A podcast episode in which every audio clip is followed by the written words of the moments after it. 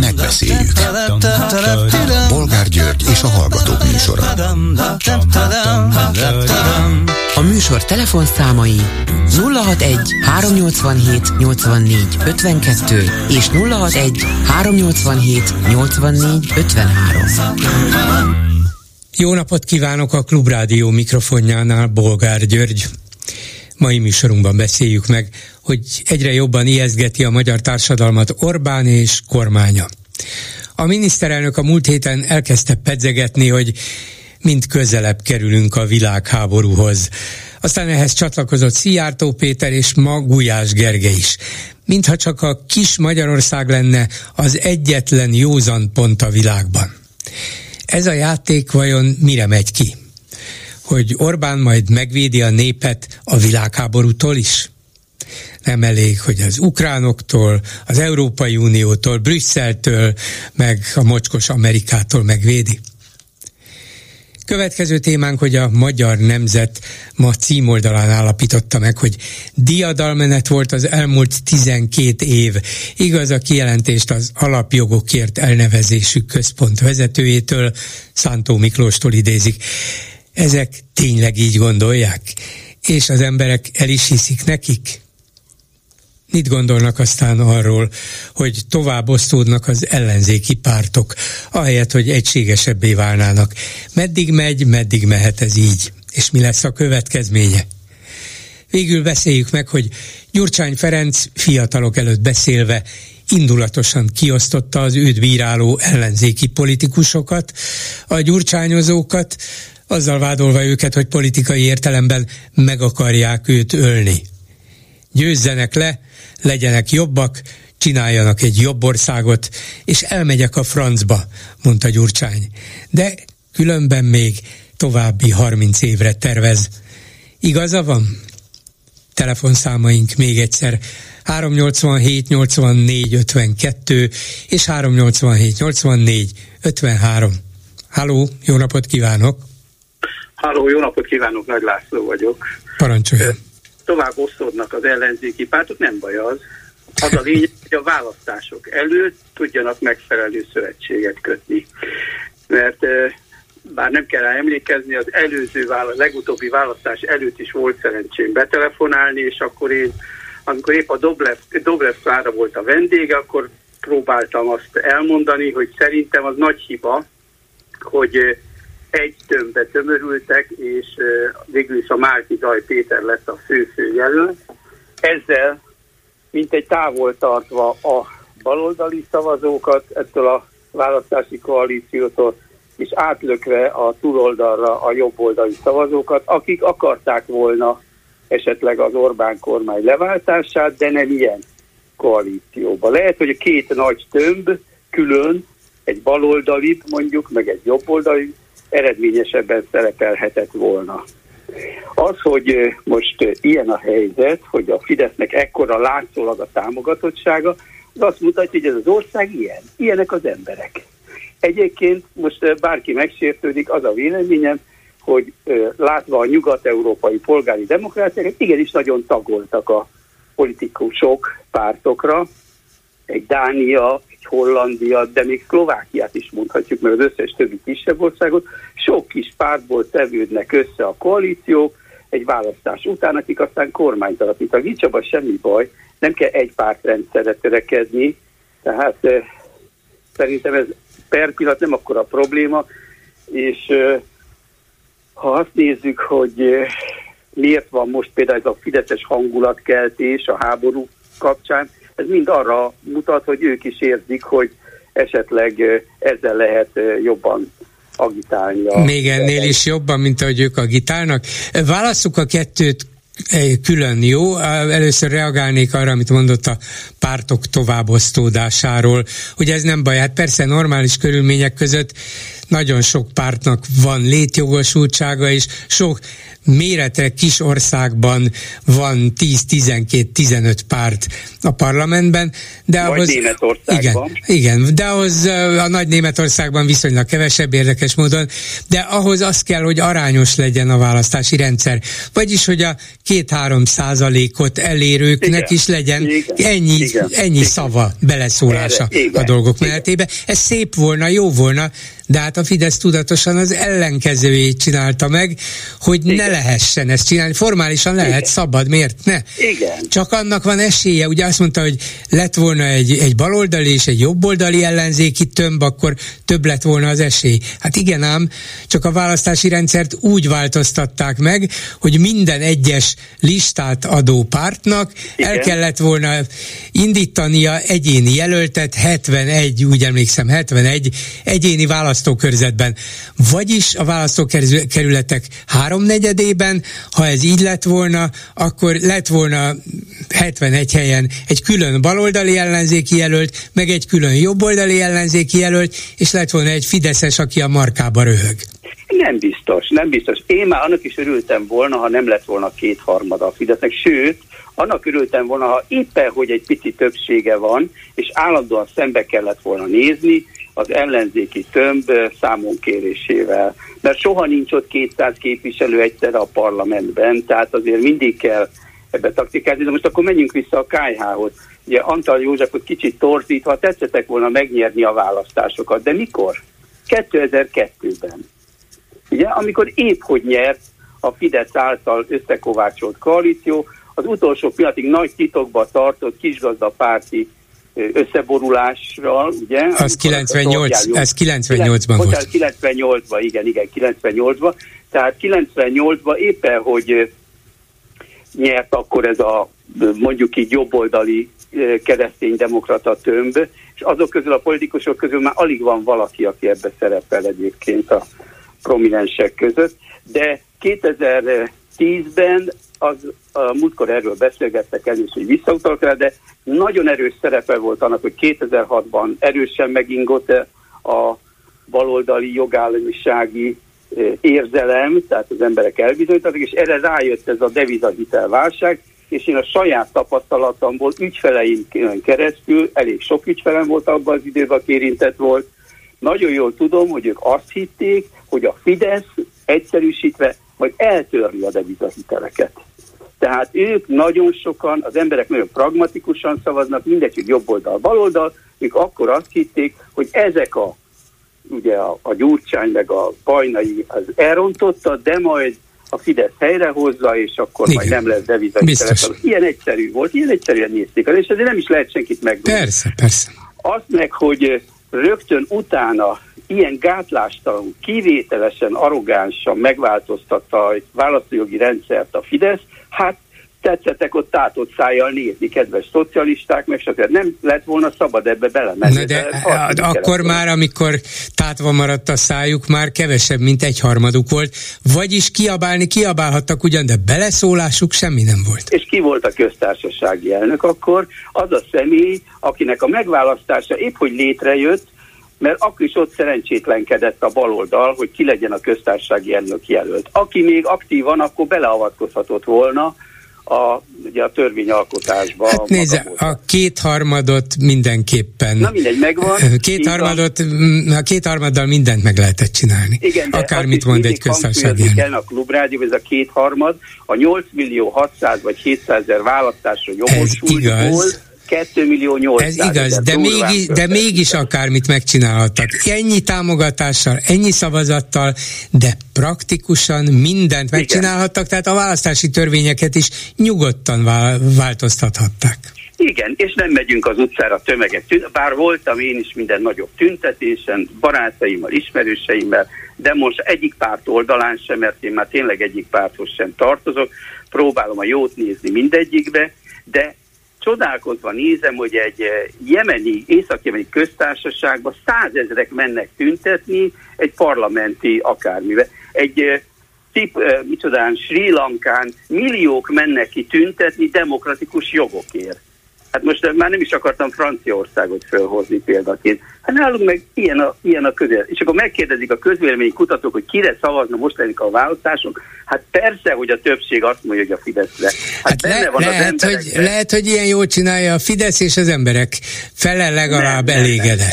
Nem, nem, nem. Bocsánat, de uh, régebben is a Tóth Zoltánnal közösen benne voltam ez az egész választás előkészítésben. Akkori barátaim se hitték el, hogy a választás titkos. Akkor is titkos volt a 80-as években is már, meg titkos később is, de amikor azt hiszik az emberek, hogy azért van az a választói nyilvántartó jegyzék, mert fölírják, hogy ő kire szavazott, és most fölhívja valaki az ő telefonszámán, egy tök ismeretlen ember, és megkérdezi, hogy na most kire szavazna.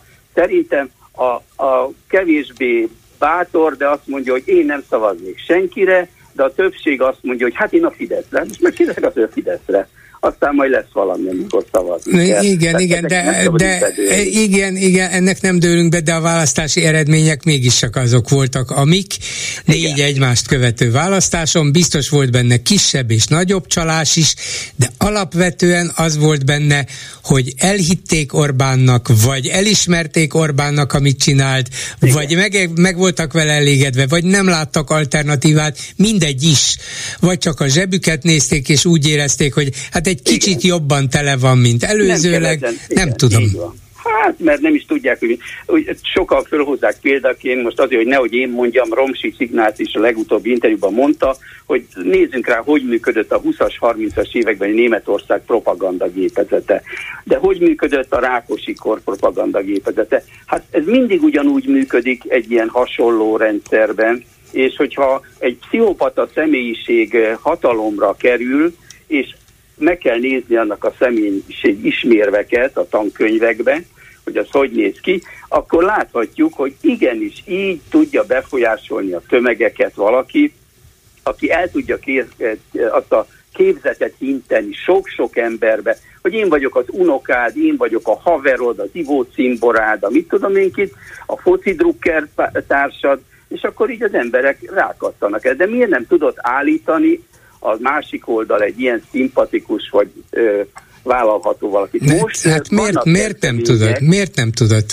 Pehje volt, Azért, ezek voltak, ez a kínálat.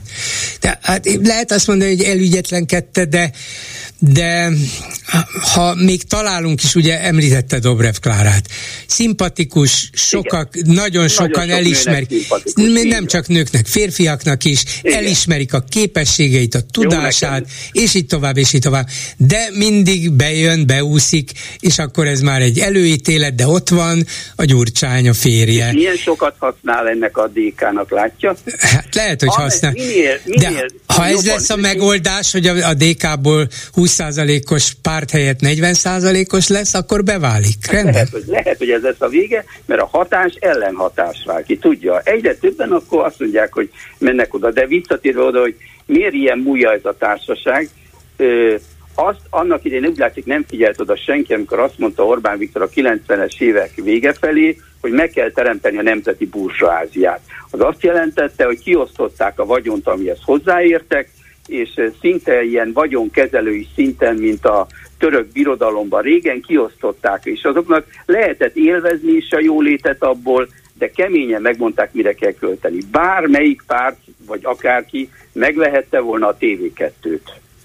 Lehetősége lett volna rá. Bárkinek eladta volna a belga tulajdonos, vagy ki volt az a népszabadságcsoportot bárkinek eladták volna. Ezt speciál közvetlenül tudom, mert engem is piszkáltak, hogy nem tudnék-e rá. Nem volt rá, egyszerűen nem tudott egyik ilyen mondjuk így nem Fidesz szimpatizáns, vagy nem kormánypárti vállalkozás annyira ügyes lenni, vagy annyira éber, vagy nem tudom, nem látták bele a jövőt, hogy összefogtak volna és meg Hát valószínűleg volna. nem látták benne a jövőt üzletileg, azt viszont látták, hogyha megveszik mondjuk a Népszabadságot vagy a TV2-t, akkor onnantól kezdve az állami hatóságok üldözésének lettek de volna kitéve. Persze, persze, de egy politikus, ugye, aki politikába belép, azt jól látja az Orbán Viktor, annak harcosnak kell lenni, annak vállalnia kell az ezzel járó harcot is. Itt az önök rádiója, bocsánat, hogy fölhozom példaként, Hát miért kell koldulniuk? Hát miért, miért nincs egy-két olyan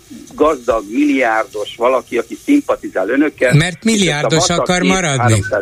Igaza van, mert milliárdos akar maradni, van egy, van egy vállalkozása, Na, vagy van, több vállalkozása, meg tudják róla, hogy a, a klubrádiót rendszeresen kisegíti annyival, hogy ne a hallgatóknak kellen, kelljen támogatnia, és akkor egyszer csak a célkeresztbe kerül, Igen. és azt mondják akkor... neki, hogy Kovács úr, Szabó úr, Nagy úr, Kis úr, önnek ennyi felesleges pénze van, hát akkor magára küldjük az adóhivatalt, hogy nézze meg, nincsen még egy kis felesleges pénze, el akarják kerülni.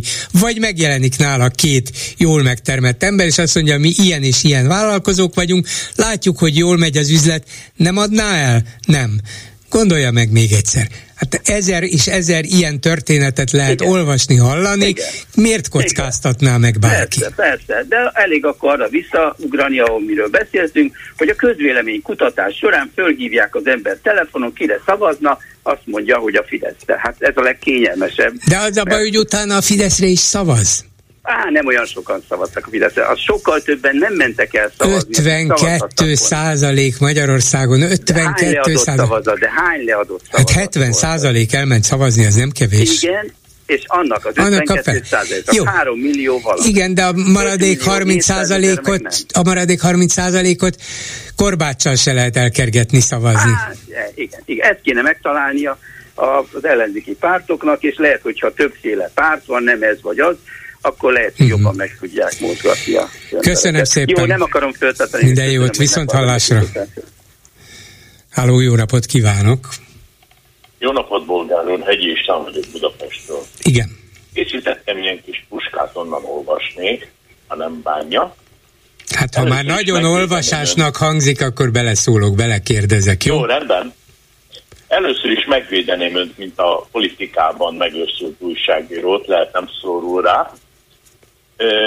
Céloztak itt a hallgatók, hogy ne bántsa a gyurcsány például, vagy tegnap is, hogy, hogy nem ért a politikához, de nem indokolta meg. Itt elsősorban politikáról van szó szerintem, nem a DK szócsövéről, mint klubrádió. Lehet, hogy ez a cél, csak szerintem nem ez lenne a jó, mert akkor belterjessé válik a műsor, nem hallhatunk meg más véleményeket, csak az, ami a gyurcsány mellett. Így van, hát nem is vagyunk a DK szócsöve, ezt egyesek kifogásolják, mások helyeslik, hogy így van. Úgy gondolom, hogy Én itt a... az önvédelmében mondom, ja, értem, hogy értem, értem. Jó, színesség kell tenni a palettát, mert hát az persze. egyoldalúság az nem vezet jóra. Azzal folytatnám itt a kishölgynek, jeleztem, hogy tegnap uh, riportot készített a kutyus elnökkel, Kovács Gergővel. Abból kifolyólag van egy véleményem, én ez idáig kutyus párti voltam, és az is maradok, ameddig egyetértek azzal, amit csinál. Amit tegnap csinált, vagy mondott Kovács Gergő, Kovács Gergő, azt igazából nem értettem. Bármennyire is óvatosan tette fel a kérdése. Gergő véges végig civil szerveződésről, társadalmi munkáról beszél. Hogy szerinte az munka, a politizálás nem. Az csak akkor, ha a politikusok a falusi embereket kergetik a faluban. Tehát ő, ő végig, mintha én úgy éreztem legalábbis, hogy valamilyen társadalmi munkáról beszél. Miközben szerintem a politika nem er, pontosan erről szól, hogyha már egyszer politikai párt lettek, és ő, szeretnének bekerülni a parlamentbe, vagy legalábbis feltételezem, akkor politikai, ahogy ön több napja is hiányolta, hogy nem hallott tőlük politikai nyilatkozatot. Nincs programjuk. Erre Kovács Gergő nem válaszol. Hát igen, Azzal igen, folytatnám, igen. hogyha a politikáról van szó, abban benne kell lennie a megállapodásnak. Mondjuk egyességre alkalmasnak lenni. Hiszen képviselőkről van szó, akiket támogatók küldtek a parlament jó, mondjuk a kutyusok nem a parlamentben van. És nem tudjuk, hogy három év múlva mi lesz. Gergő valahol elakadt. Senki nem mondta azt, hogy kössön örökös szerződés gyurcsányra. De nyakunkon az önkormányzati választás, legyen tökös és tárgyalj. Mert ö, Mert látom, hogy Gergőnek szívügye az önkormányzati pénzköltés. Csak hogy ebben az ügyben egyedül semmire nem. Hát igen, még ebben sem megy egyedül, akkor sem, hogyha sokkal több kutyapárti kerül majd önkormányzati képviselői helyekre. Egy fecske, egy kutya nem csinál nyarat. Hát ha, még, még hogyha csinálna is, ugye a 12. kerületben ő úgy gondolta, ha nyilvánosságra hoz egy szervezett bűnözéshez erősen kötődő ügyet, akkor felháborodik a 12. kerület, és azonnal leváltja a főpolgármester, illetve a polgármester. De nem történt semmi. Senki nem érnek el. Hát nyilván, hogy ahhoz, hogy valaki elérjen valamit, ahhoz társakra van szükség. Tehát, hogyha ő azt hangoztatja, hogy ő megy tovább azon az, azon az úton, azon a kikövezett, megfestett úton, amit ők kitaláltak, az önmagában én szerintem kevés.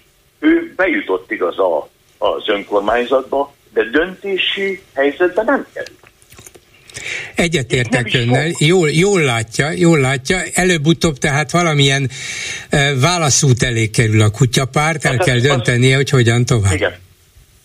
Tehát az nem számít, ezt akarom mondani, hogy most Gyurcsánynak milyen múltja van, mennyire volt rossz, vagy mennyire nem volt rossz, vagy mennyire agresszív, vagy mennyire hasonlít Orbán Viktorhoz. Én szerintem, nyilván nem vagyok Kovács Gergő, nem is leszek, én legalábbis leülnék az asztalhoz, és azt mondanám Gyurcsánynak, nézd, az önkormányzati választáson én nem szeretném, hogyha az önkormányzat szórna én. Állapodjunk meg. Én ebbe az esetben visszalépek a kerületbe, hogyha biztosítjátok azt, hogy beleszólhatok abba, hogy az önkormányzat ne költse a pénzt. Most nem tudom, hogy hogy fogalmazza. Igen. Hát így egyességre lehet jutni. Máskülönben azt, azt nem lehet elvitatni, hogy Gyurcsány Ferenc vezeti az ellenzéki listát nem szabad érte haragudni. Hát pontosabban az ellenzék népszerűségi listáját az ő pártja vezeti.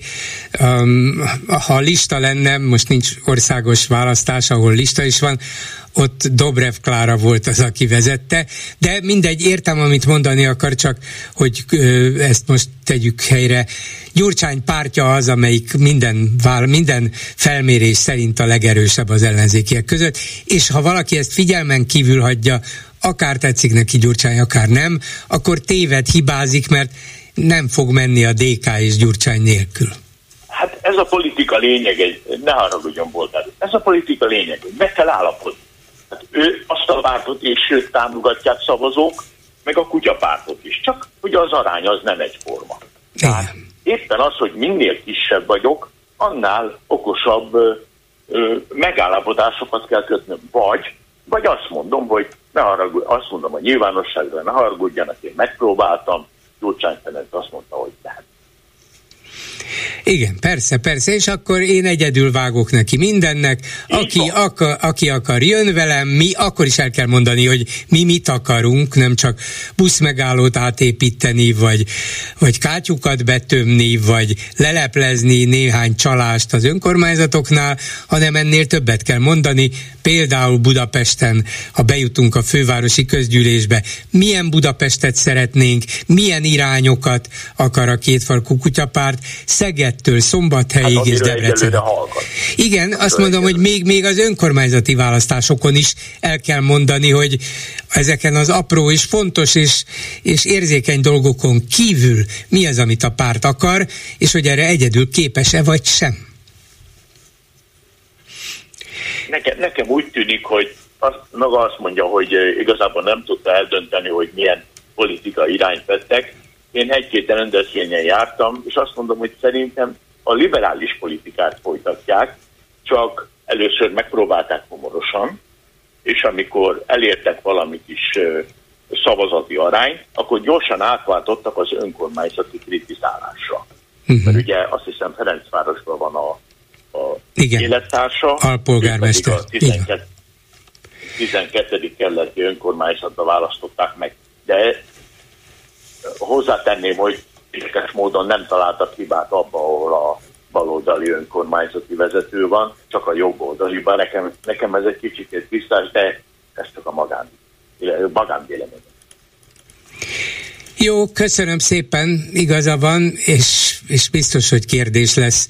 Minél, minél erősebb lesz a kétfarkú útjapárt legalábbis a felmérésekben, annál inkább kérdés lesz az, hogy na és mit akartok csinálni, kivel együtt, hogyan, milyen feltételekkel, milyen programmal.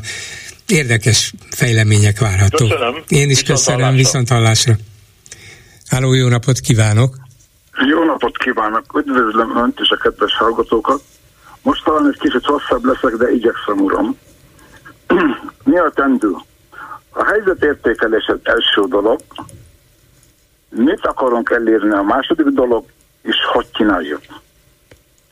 A helyzet a következő. A közmédia helyzete siralmas. Ellenzéki média nem létezik.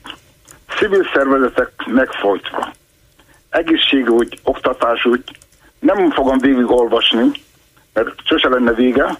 Az utolsó, amit most hoztak, az a tanárok nem nyilatkozatnak negatívan az oktatással kapcsolatban. Egyébként 6 hónapon át mínusz 20% fizetés. Ideig. Ezek ellenére 50% támogatása van a kormánynak. Igen. Ez a valóság. Tehát a helyzet megvan. A tendő. Először, első dolog, elfogadni a tényt, hogy a szavazók 50%-a támogatja a kormány, és azt kell megfordítani. Következő. Minden ellenzéki legalább egy embert kell meggyőzni országosan, például havonta. Akár Excel listát, listát is lehet vezetni. Jó, itt, itt, igen, itt közbe kell szólnom, mert az, hogy meg kell változtatni azt, hogy a Fidesz folyamatosan legalább a szavazók felének támogatását maga mögött tudja, hát igen, ez, ez volna a cél. De ha ezt úgy akarjuk elérni, hogy minden ellenzéki szavazó győzzön meg valakit, aki eddig a Fidesz támogatója volt, akkor azt mondom, hogy nagyon szépen hangzik, és ki is lehet számolni, hogy akkor hamar megvan a győzelem, csak éppen reménytelen, hát el se jutunk uh, hozzá, vagy ehhez a helyzethez. Hát van mondjuk két millió ellenzéki szavazó, hogy vegyük rá az ellenzéki szavazókat, hogy győzzetek meg valakit, akit talán nem is ismertek, vagy ha ismeritek, akkor nem kezditek el, azt, hogy te ne szavaz Orbánra, hanem szavaz erre. Szóval nem lehet kiosztani egy ilyen parancsot, vagy tanácsot, hogy csinálják ezt. Ne, ne, nem, nem parancsról van szó, az egyik. A másik dolog, én nem mondtam, hogy a fideszeseket kell meggyőzni, azokat is. De van, akik nem szavaznak, és így tovább. Tehát, és nem parancsról van szó. Ha én ellenzéki vagyok, akkor a körny- környezetemben igyekszem meggyőzni az ismerőseim között az, aki nem. Értem, értem, csak Hát, na, hát, abból hát, indulok hát ki, hogy, sem- hogy én ismerek például sok olyan embert, aki a Fidesz-szel szimpatizál, lehet, hogy engem se szeret, mert tudja, hogy ki vagyok. Most el tudja képzelni, hogy akkor én elkezdem őket egyénileg meggyőzni, hogy na ide figyeljen, kedves szomszéd, hát hagyja abba ennek a gyalázatos kormánynak a támogatását, figyeljen ide, majd én elmagyarázom. Hát vagy végig se hallgat, vagy kinevet, vagy azt mondja, hogy jó, beszéljen csak bolgáról, amennyit akar, engem nem fog meggyőzni. Képzelje magát bele ebbe a helyzetbe. Bárkinek a helyébe. Most, most félre, lehet, hogy félreérthető voltam. Hát a meggyőzés nem azt jelenti, hogy gyere, hagyd a szanszot. Felhívni rá a figyelmet, hogy milyen problémák vannak, és mennyiben jobb lenne, ha nem így lenne. Mivel nem tudják, hogy mi van. De oda, hogy oda is fogok jutni, hogy kit érdemes meggyőzni. Tehát először igyekezni kell, hogy meg, hát valamilyen formában, mert nincs pénzed, a tagsága van, és, és elvileg ez ingyen lenne, Igen. kerek asztal. Hiteles közvélemény kutatás alapján felmérni, hogy melyik párt hány százalék. És ha valaki nem ér el 20 százalékot, akkor odaúl az asztalhoz, és nem kap szavazati jogot, vagy százalék arányosan kap szavazati jogot. Tehát egy 10 személyes párt és egy két milliós vagy egy 500 ezer párt azért nem lehet azonos szintű. De ha már leültek, és százalékosan kaptak mondjuk szavazati jogot egymáshoz képest, a kisebb csoportok, ha összegyűlik nekik, mondjuk az erőssel szembe, akkor együtt is szavazhatnak. Mint ahogy a Karácsony Gergely, mert Márkizai Péter csinálta az először választást. Uh-huh. De miről szavazzanak? Mire gyűjjenek össze, Amikor és miről szavazzanak? az asztalhoz, a kerek asztalnál. Igen ha valakinek 5%-a nincs, akkor Ezt értem, szerint, értem, értem csak, hogy mire, mire, nem... mire hívják össze ezt a kerekasztalt, mit csináljon, és akkor miről hogy, szavazzanak? Hát, hogy valahogy hogy legyen szövetség a választás előtt. Értem, jó.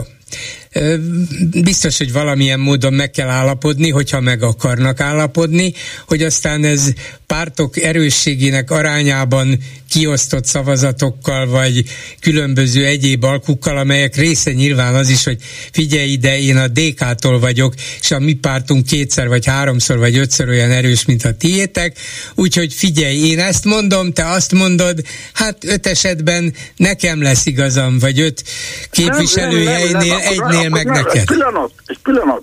Ez a két százalék, két százalék, két százalék, két százalék párt, összefog, és akkor lehetnek a DK-ban szemben, ha annyit annyi elérnek, vagy többet érnek el. Ebben igaza van, csak össze kéne fogni. Csak össze kéne fogniuk? Hát hol van ez az összefogás? Hol a fogott össze? A kerekasztalnál. Uh-huh. De még azt se akarják egyelőre, még azt se, abban se egyeztek meg, hát, semmi probléma. hogy ha legyen. nem akarják, akkor mehetünk. Most de ez igazságos lenne. Uh-huh. És akkor tovább megyek. Előválasztás. Mindenki jelölhet, százaléktől függetlenül. Legyen civil vagy akármi. De a karakasztalnál ott, amit javasoltam az előbb. Igen. A, hogy, hogy kit hívnak át, ahogy mondtuk, például ha ellenzéken belül az egyik párt a másik pártba megy, az nem veszett el, lehet, hogy jó is. Tehát akkor az nem érdekes. Akik uh-huh. nem szavazók, ezeket meg győzni, hogy szavazzanak, vagy felhívni rá a figyelmüket, megmutatni nekik mi a probléma, mert ők nem tudják mi az igazság. És akkor lehet, akkor maguktól is átállnak, vagy elmennek szavazni. Hát, Marad a Fidesz. Igen. A Fidesznél az egyik tájékozatlan, aki azt hiszi, amit hall a közmédiából. Azt nem lehet meggyőzni, csak akkor, ha olyan ember magyaráz neki, aki úgy tisztel a falon belül, és meg hoz krumplit is. Tehát az majdnem reménytelen. Igen. Aki a hitként éli meg a Fidesz támogatást, azt se lehet meggyőzni. A harmadik haszon, haszonélvező, azt, azt ne is próbáljuk, mert ezek tájékozottak. Tehát igazából az ellenzéken belül lehet mozgás, ez semmi baj. A nem szavazókat kellene csábítani, főleg, és akit lehet a Fideszból. Igen. Hát, szerettem volna köszönöm mondani. szépen, köszönöm. Minden jót, viszont hallásra. Minden jót. Háló, jó napot kívánok! Hmm, jó napot, de majd újra hívjuk. Van, van egy új hallgató? Igen. Jó napot kívánok! Jó napot kívánok, üdvözlöm, Bolgár úr. Nem tudom, én vagyok? Igen, vonalban? most ön van a vonalban. Üd, üdvözlöm, telefonszám nevem hölgyeknél. Hát azért telefonáltam, mert hallgattam itt a, a műsor elejét, és hát, hát nem is tudom, nagy nagy megdöbbenve megállapította, hogy mindenki elért minket a kollektív lezsibbadás, tehát mindenki le van zsibbadó. Hallgatók is, bolgár úr is, mindenki. Az egész, tár, az egész társadalom le van zsibbadva. Na, igen, igen, az egész társadalom. De hát az, az egész társadalom már régen, de most már mi is, tehát, tehát minket is utolért, a legaktívabbakat is. Hát az, az, a kettővel, azt hiszem kettővel korábbi hallgató, aki betelefonált, hosszasan ecsetelte, hogy a az ellenzéknek azt kéne csinálni, amit az Orbánék csináltak, még el is tévesztettek 2002-t mondott, és Bolgárok kivitatta, hogy 98-ban csinálták, ugye az Orbánék a Tordjánékkal, Igen. hogy hogy kellene azt csinálni. Na de hát éppen ez a lényeg, hát azért, hát azt nem lehet megcsinálni, mert nem az a választási rendszer, mert az Orbánék megváltoztatták azt a választási rendszert. Tehát direkt azért változtatták meg, hogy ezt ne lehessen megcsinálni. Világos, világos. Így Tehát, úgy nyugodtan indulhatna mindenki. Külön és utána az első forduló után egyezkednek. Hát ez hát, már nincs. Hát az Orbánék pontosan azért változtatták meg galád módon, hogy azt ne, hogy még egyszer ne tudja megcsinálni azt, amit ő akkor megcsinált. Így van. Ugye? Na most jó, oké, rendben, de a hallgató ezt beleérte magát ebbe, de nem számolt a valósággal. De utána, utána, utána elkezdte mondani, hogy hát hogy a baloldal elbaltázta a köztársasági elnök választást is. Ez persze igaz, ez, ez igaz egyébként, ezt tényleg elbaltázták, ugye 2005-ben.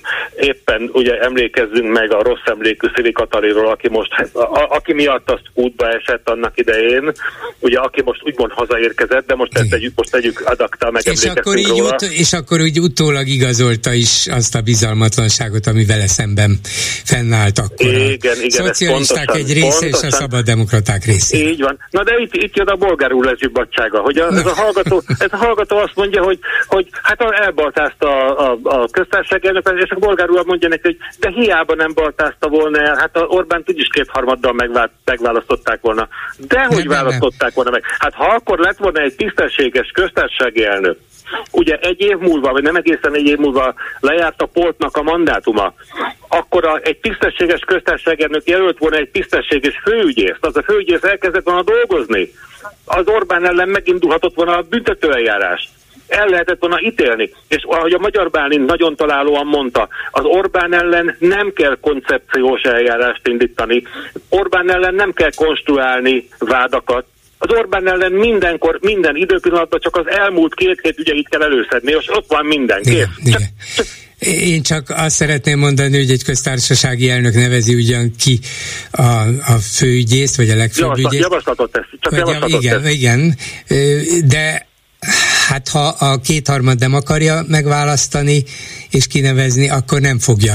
Szóval De ez a, olyan a, hasonlóan van, úgy tudom, olyan hasonlóan van, mint a köztársasági a elnök. köztársasági elnök egy ideig akadékoskodhat, aztán a kétharmad elsöpri. És de, nem, nem, de, ráadásul- de a köztársasági, hogy a, a, a, a legfőbb írni, és kétharmad, kétharmad, és a harmadik fordulóban elég a fél is, ha jól tudom. Ö, ezt bevallom, nem tudom megmondani önnek, de hogy De a, ha nem így lett volna, akkor ha se a lett volna két semmi. ha- Akkor, mert akkor, akkor, akkor a, egy tisztességes helyettesnek a, a kezébe adni az ügyeket, és mehetett volna minden a szabad folyást adni az igazság. Nézze, Ugye, ugye erre a rossz emlékű... parlamenti kétharmad birtokában az Orbán kormány olyan legfőbb ügyészt nevez ki, amilyet akar. Nincs olyan De köztársasági elnök, aki ezzel szembe De- tud menni. De 2005-2006-ban az Orbánnak nem volt kétharmada a parlamentben. A legfőbb ügyész akkor, akkor volt téma. 2006-ban. Ja, ja, most arra gondol, hogy még az, a Gyurcsány kormány alatt. Hogyne, értem, hogyne, értem. Jó, hogyne, jó, jó, persze, jó, jó. persze, Igen, persze. igen. Ha a Szili akkor nem veri magát, hanem a Gatz lett volna a köztársasági elnök, akkor egy év múlva, amikor a Portnak lejárt a mandátuma, a Port távozik, és akkor nem ezt a Varga, vagy nem, milyen Kovács, Tamás Kovács, nevű, Kovács, igen. Kovács Tamás nevű Port fiókát, öreg, Igen. öreg apót neve, ne, nevezték ki, akivel a sólyom javaslatot. Tehát a sólyom direkt azért a javaslatot. Tehát a sólyom, a sólyom ez egy roppant tisztességtelen Orbán Bérenc, aki eljátsza itt a, a nagy ö, hattyú halálát. Tehát az Orb, a, a, sólyom, a, a sólyom a köztársaság gyilkosa. Ugyan, ugyanúgy a Bihari. A sólyom, a Bihari, ezek a köztársaság gyilkosai. A Bihari volt az alkotmánybíróság elnöke akkor, mikor, mikor az Orbánnak a demagógiáját, a, a szociális népszavazásnak nevezett demagógiáját átengedte Igen. az alkotmánybíróság. Hát hol engedte volna át az alkotmánybíróság előtte, meg azóta is? Ilyesmit. Hát igen, főleg a Fidesz. azt a Bihari, nem, a Bihari Persze. volt az alkotmánybíróság Igen, elnöke, igen, igen, igen. és a Bihari volt ennek az ügynek az előadó bírája. Ha a Bihari azt nem engedi át, az Orbánnak nem lett volna meg a kétharmada 2010-ben. Igen, az, az lehet, hogyha a Kovács Tamás helyett egy, egy másfajta legfőbb ügyészt Pontosan, minden lett volna. A történelem mente igen, megváltozott volna igen, Magyarországon. Igen, ez, ez, ez kény, készségtelenül így Tehát lehetett e- e- volna. ez, én, én azt szeretném kérni, hogy azt javaslom, ezt soha ne, ha, soha, soha ne hagyjuk magunkat annyira lezsébbe adni, hogy ezekre a dolgokra ne emlékezzünk, mert, mert ha, már ezek, ha, már, ha már ezeket az, az ős okokat is elhagyjuk, hagyjuk, hagyjuk, hogy felfeszeljen minden, akkor tényleg az van, hogy történetet át fogják tudni írni. És, és tényleg, és, és hát nem is tudom, ne, ez- hát szavakat nem találok már tényleg, ami, ami már mennek. Hát szóval Nyugod, nyugodjon, meg, nyugodjon meg, részben már átírták a Meg- történelmet, és át is Már fogják írni. vagyunk rajta, igaz? Igen, köszönöm szépen, Na, Köszönöm szépen, viszontlátásra, köszönöm. A telefonnál pedig Vadai Ágnes, a Demokratikus Koalíció országgyűlési képviselője, a DK alelnöke, az Árnyék kormány honvédelmi minisztere. Mit mondjak még? Jó napot kívánok! Jó napot kívánok! Kezdjük honvédelmi, biztonsági, háborús NATO ügyekkel. az, hogy Finnország NATO csatlakozását nagy nehezen jóvá hagyta a kormány többség is, az egy dolog, hogy a svédeket valamiért mégis csak kifelejtették, és egyelőre bizonytalanságban tartják őket is, hogy mikor is vehetik napirendre az ő felvételüket, az egy másik kérdés, de közben a napokban megkérdeztem Majtényi Lászlót arról a mm, az elképzelésről, hogy hát nem lehetne szaván fogni ezt a szerencsétlen, tehetetlen kormányt, amelyik arra hivatkozik, hogy hát mit tudunk mit csinálni, kérem szépen, ha egyszer a parlamenti frakciónkban többeknek kifogásuk van a svéd csatlakozással szemben, meg a svéd politikusokkal szemben. Orbán Viktor támogatja a svédek felvételét, a kormány mellette áll, támogatja, na de hát a frakció tagok egy része sajnos nem. Nem lehetne fölvetni azt, és majd tény azt mondta, de tulajdonképpen igen, hogy ha már egyszer rendeleti kormányzás van Magyarországon, és a háborús veszélyhelyzet miatt éppen most hosszabbították meg további fél évvel, hát akkor fogadják el rendelettel. Hát ha ennyire tehetetlen a kormány, akkor mégis van egy eszköz a kezükben, ők maguk találták ki egy csomó másik dologra, ez speciál összefügg a háborús veszélyhelyzettel, legyen a NATO még erősebb, Magyarország még nagyobb biztonságban, nem javasolnák nekik, hogy használják végre egyszer normális célra ezt a rendeleti kormányzást? Hát ugye ezt maga se hiszi el, amit most éppen De elhisz, el, el, nem, nem hiszem el, hogy így csinálnának, csak elhiszem, hogy... hogy a, a magyar kormány azt támogatja Svédország csatlakozását, csak a magyar kormánypártok nem. E, abban a, ebben, ebben a viszonyrendszerben, tehát kormány-kormánypártok, vagy Orbán Viktor kormánypártok viszonyrendszerben, kormánypárti képviselők még ahhoz is engedélyt kérnek, hogy kérdezhessenek. Tehát én el nem tudom képzelni azt a frakciólést, ahol bármelyik Fideszes képviselő föláll, egy KDNP-s képviselő föláll, és azt mondja, hogy ne haragudj, miniszterelnök úr, értem, hogy te nagyon szeretnéd, hogy Svédország csatlakozzon a NATO-hoz, én meg nem. Hát, ilyen nincs, persze, persze, de, de ártatlan, ártatlan tekintettel mondjuk ön fölállna a parlamentbe, és azt mondaná, hogy úgy sajnálom a kormányt, hogy ilyen nehéz helyzetben került a saját frakciójával szemben, de hát itt van egy eszköze, ha már Igen. másképp nem megy ez a rendelet. Nem. Igen, először is nem sajnálom a kormányt, mert a kormány hazudik.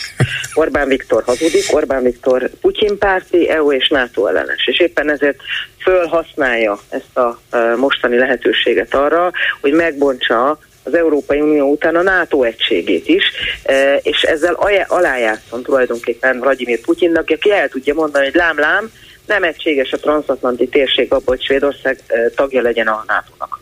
A magyar kormánynak tavaly e, nyáron, amikor a madridi NATO csúcs volt, soha semmilyen előfeltétele nem volt, azóta sem volt előfeltétele, sem Finnországgal, sem Svédországgal e, szemben. Utóbb derült csak az ki, hogy tulajdonképpen ilyen személyes, kicsinyes, teljesen abszurd érveket sorolnak föl, ez a csúnyákat mondtak ránk, mert nem szeretik a magyar kormányt, mert kritizálnak bennünket, miközben ez a folyamat, amit most már lassan 8-9 hónapja zajlik, ez végzetesen alássa Magyarország és a magyar kor, sajnos a magyar kormány, és emiatt sajnos Magyarország megbízhatóságát és tekintélyét a NATO szövetségesek között. Tehát senki ne gondolja azt, amikor a Szijjártó Péter azt mondja, hogy a magyar kormány majd a GDP 2%-át költi a hadseregre, ez ellensúlyozni fogja azt a rengeteg ostoba és káros mondatot, amelyet az elmúlt jó, bő, másfél évben hallottunk a kormánypárti képviselőktől és a kormány tagjaitól a NATO-t illetve. A NATO a világ legerősebb védelmi szervezete. Eddig mindig egységes volt. Ezekben a kérdésekben, különösen a kelet felől jövő kihívást, illetően egységesek voltunk. És akkor itt van az Orbán kormány, amelyik ezt az egységet folyamatosan megbontja, amelyik már nem is titkoltan gyakrabban utazik Moszkvába és Minskbe, mint egyébként a szövetségeseink fővárosaiba, és mindenáron megpróbálja akadályozni Svédország NATO csatlakozását, miközben volt olyan kormánypárti képviselő, aki azt súgta nekem, hogy tulajdonképpen őt jobban aggasztja Finnország csatlakozása, mint Svédország. És Svédországgal szemben nincsen semmi kifogása.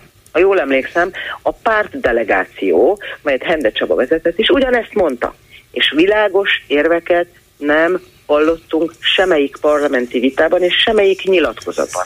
Az nem érv, hogy mert a svéd politikusok kritizálták a magyar kormányt. Ehhez nem a svéd politikusoknak kell megváltozniuk, hanem a magyar kormány.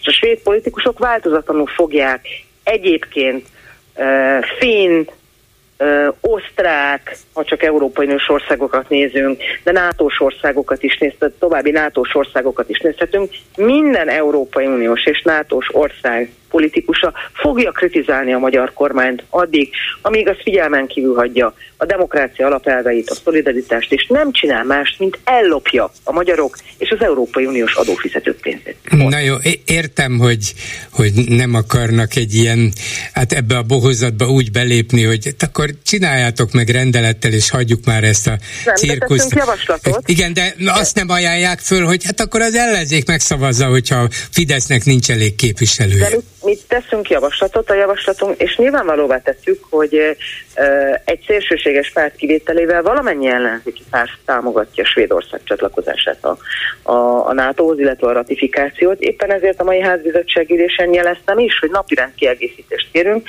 és szeretnénk, hogyha jövő kedden a plenáris ülésen erről szavaznánk mert azt gondoljuk, hogy ez egy fontos kérdés, és egy fontos ügy, nem tud halasztást. Ugyanakkor világosan látjuk, hogy az üléstervben nem hogy áprilisban, de május elejé e, ütemezéssel sincs benne a Svédország csatlakozásának kérdése. Nem tudom, mire várnak, őszintén szólva a Svédország nem fogja megváltoztatni. Hát a, a, a török választásokra nem? Nem a törököknek köteleződtek bármilyen választásra várni Svédországban és általában a skandináv országokban mindegy e tekintetben, hogy jobb vagy baloldali vezetésű egy, az adott ország, a demokrácia, a jogállam, az emberi jogok tiszteletben tartása az a politikai oldalaktól független. Ott a jobboldaliak ugyanúgy támogatják ezt, mint a baloldaliak. És ezt nem érti meg a a, a, az Orbáni rendszer egyetlen szereplője sem, illetve az, hogy ezzel a folyamattal, ezzel, amit ők most képviselnek, szisztematikusan aláássák Magyarország szövetségesi hűségét és megbízhatóságát a nato belül, és ez rendkívül káros Magyarország megítélése szempontjából, és a magyar polgárok biztonsága szempontjából. Mégis mi a sejtése? azokkal együttműködni, akikről azt látják, hogy ellenség vagy éppen áruló. Mégis mi a sejtése, hogy kinek akar és miért szívességet tenni Orbán Erdogánnak, vagy az Egyesült Államok kormányának akar hát beszólni, beszúrni, hogy segítse akár így közvetve is Trumpot, vagy, vagy az Európai Unióban próbál valamilyen, ezzel a zsarolással valamilyen remélt előnyöket kicsikelni, hogy a svédek és a finnek próbálják meggyőzni a többieket, hogy mégse bánjunk olyan keményen a magyar kormányjal. Mi lehet a cél? Nyilván sokféle célja és oka lehet. Én azt hiszem, hogy Erdogán megsegítését, a, a, meg, a megsegítése, mint olyan, az az egyik indok, bár ő most eléggé el van foglalva a május 14-i választásra, és őszintén remélem, hogy utána már, hogy mondjam, nem lesz többé török elnök, hanem ott egy új korszak kezdődik Törökországban. Nyilvánvalóan Putyint is segíti ezzel, és most már csak az a kérdés, hogy ez már csak mellékszál, vagy szándékosan segíti Putyint, hiszen minden egyes esetben az orosz elnök el tudja mondani, hogy a NATO nem egységes. Szeretném mondani, hogy az Amerikai Egyesült Államokkal nem szúr ki, és nem tud segíteni Donald Trumpnak, mert hogy Amerikában a politikai elit, függetlenül attól, hogy republikánus vagy demokrata, a bővítés mellett és támogatja Svédország NATO csatlakozását, és rendkívül rossz néven veszik ezt a fajta viselkedést, amit Orbán Viktor az elmúlt hónapokban bemutatott. És akkor is téved, ha azt gondolja, hogy ezzel bármelyik országot, különösen Svédországot meg tudja zsarolni, mert Svédország számára már az uniós elnökség elején világos volt, és ezt világossá is tették, számukra a jogállamisági kérdések, azok rendkívül fontosak. Lehet azt mondani majd, hogy addig nem támogatják Svédországot, míg Svédország nem segít abba, hogy megkapják a pénzeket, de Svédország nem fog segíteni. És azért nem fog segíteni, mert Svédország számára az, hogy egyébként az Európai Uniós adófizetők pénze átláthatóan, számon kérhetően legyen elköltve, az fontosabb az egy fontos kérdés, és ebben nem fognak engedni. Hiába van változás bármelyik ország élén, Hiszen Svédországban is volt változás, Finnországban is volt változás. Teljesen mindegy, hogy jobboldali vagy baloldali a, a finn kormány vagy a svéd kormány.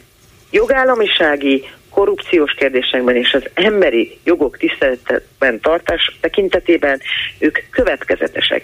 Nagyon, nagyon nagyot téved Orbán Viktor, ha azt gondolja, hogy ezzel a magatartásával Svédországnak árt, vagy Finnországnak árt. Ön szerint, ön szerint, Magyarországnak ártanak igen. a legtöbbet. Ön szerint mi van a mögött, hogy elkezdte Orbán, folytatta Szijjártó, ma Gulyás Gergely, elkezdtek arról papolni, vagy még a szemüket az égre mereztik, hogy hát ilyen, ilyen világháborús helyzet még, még nem volt. Hát olyan egyre közelebb jön a világháború, hát itt, itt már tényleg csak a, az Orbán, vagy a béke, meg a kis Igen. Magyarország segíthet. Milyen szöveg ez? Mire megy ez ki? Ezek az emberek háborús úszítók. Nyilvánvalóan érdekük a káosz, érdekük, hogy azt mondhassák el embereknek, akik egyféle csatornából tájékozódnak, hogy itt egyetlen ember, egyetlen kormány, egyetlen párt az, amelyik megmenthet téged, ez az Orbán kormány és ez a Fidesz. Nyilvánvalóan ez a céljuk. Ez a cél. Ezek az emberek nem szeretik a békét,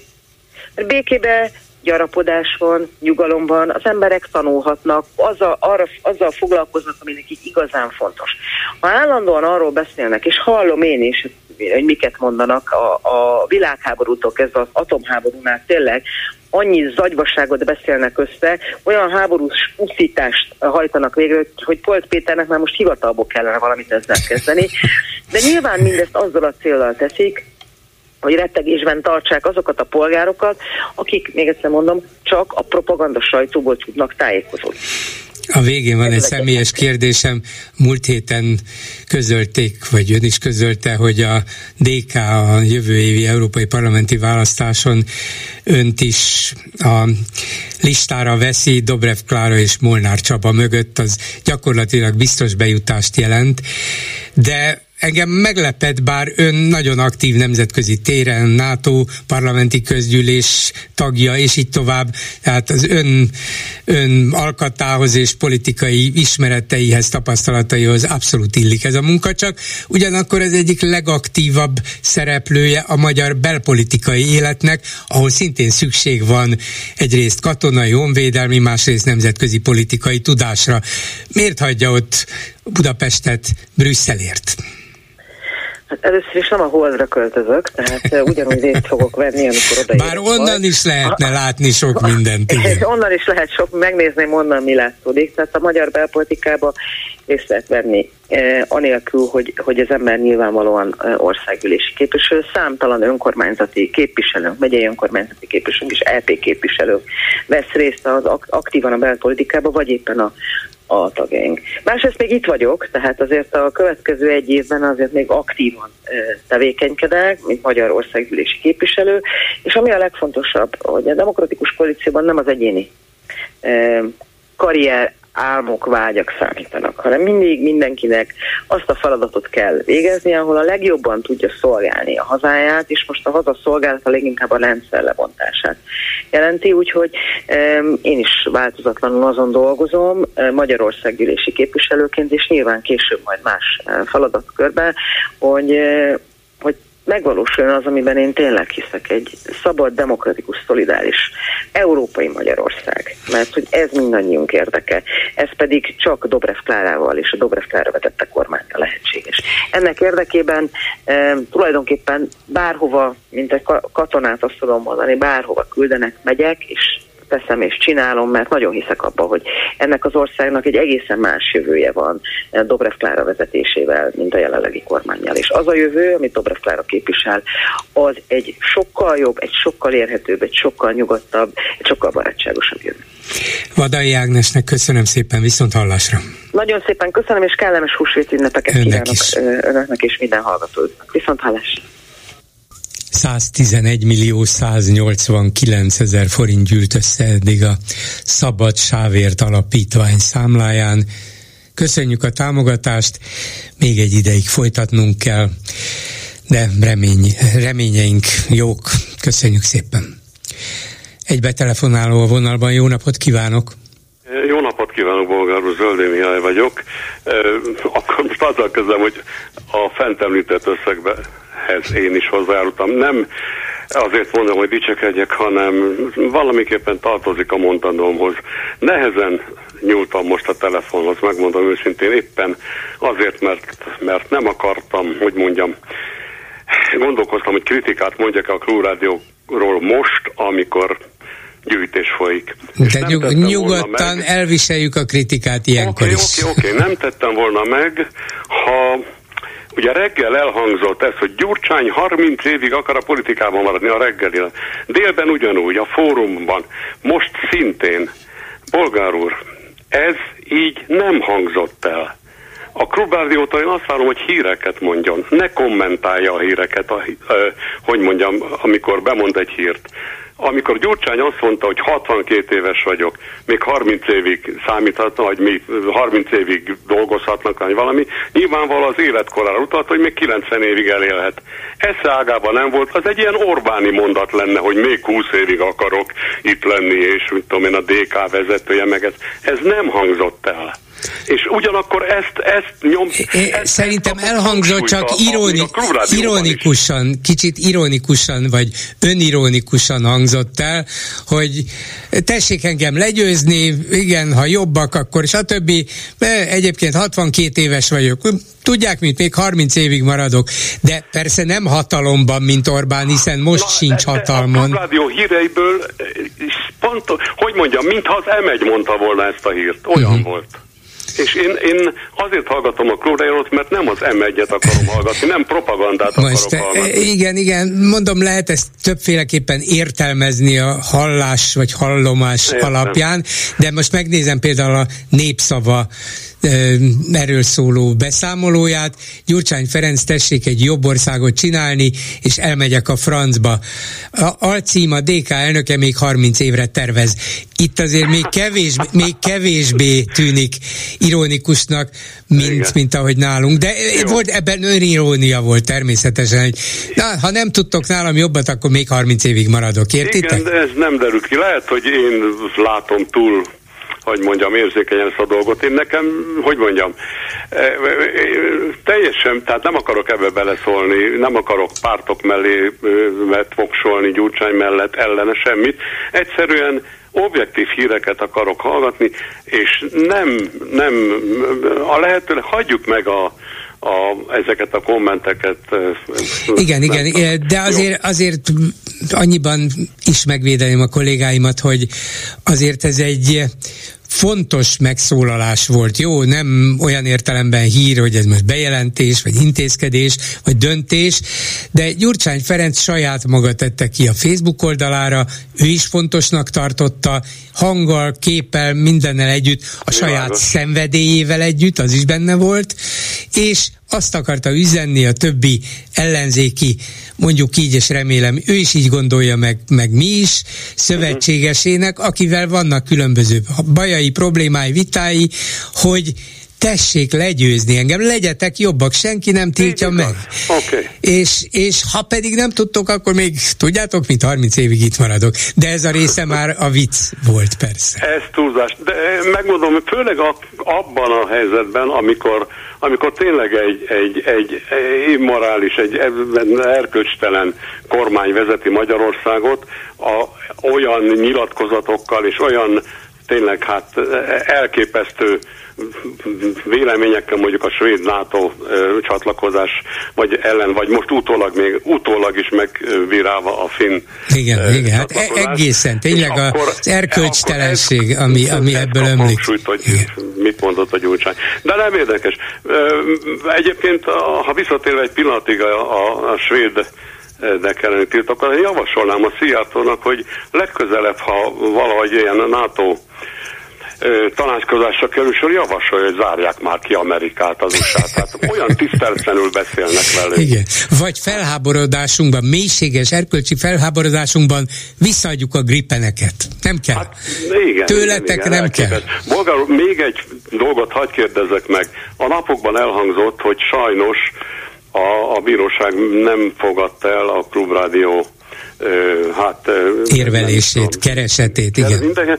De nem kapta olvastam én legalábbis arról hírt, hogy milyen indokolással utasították el. Azt, hogy mit utasítottak el, hogy mit kérte a klubrádió, azt tudom. Megmondom, ez azért érdekel engem, mert marad bennem valami pici kis kétség, hogy hogy jól lett feltéve ez a kérdés a bíróságnak, hogy nem akarom meg, nem hogy jönnék ahhoz, hogy, hogy megbíráljam a... Nézze, legkö, legközelebb akkor behívom...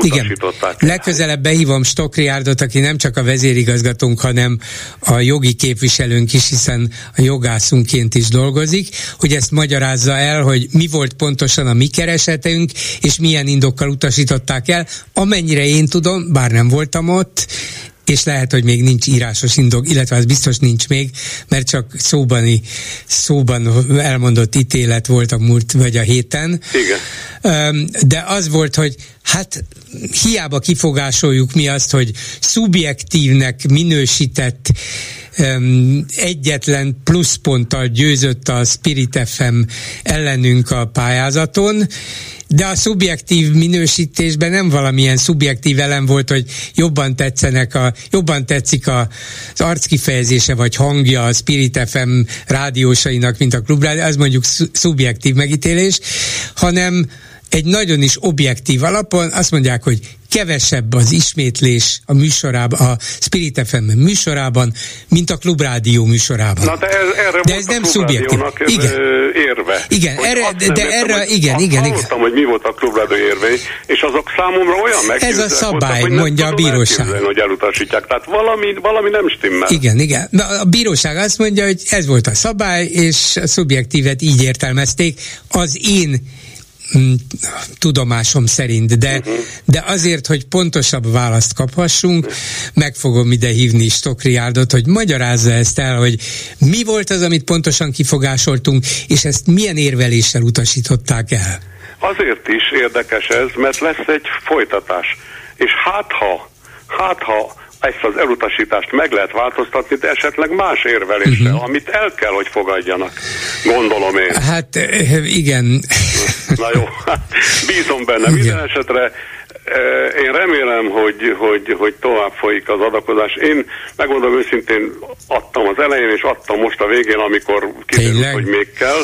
Jaj, de... És remélem, hogy nem kell harmadszor is, de igazán, ha és akkor ilyenkor én, én is rosszul érzem magam, hogy kérünk, kérünk, kérünk, és közben van egy bizonyos szemérem, vagy szégyen érzet is bennünk, hogy mennyire ki vagyunk szolgáltatva a hallgatóinknak, akik persze tudják, Bocsánat, hogy... kell lenni Igen, erre. igen, de mégis lám önt is arra vettük rá, hogy ne csak egyszer-kétszer adjon. Engem, engem nem, én, én ör, hogy mondjam, hát azért egy normális ember látja, na jó, nem dicsérem tovább a klubrádiót. Egy, elég az, hogy hallgatom, és Igen. hallgatni is fogom, és remélem, hogy minél több. Ol, olvass el Arató András e, írását a klubrádió.hu-n, tudja, van ez a Szabadság Klub publicisztikai rovatunk, választ ad a kérdésére talán. Jó? Igen, igen, viszont maradjon meg a különbség azért legalább, tehát nem szeretném, hogyha ha ilyen szenzáció hajház uh-huh. felé menne a hír.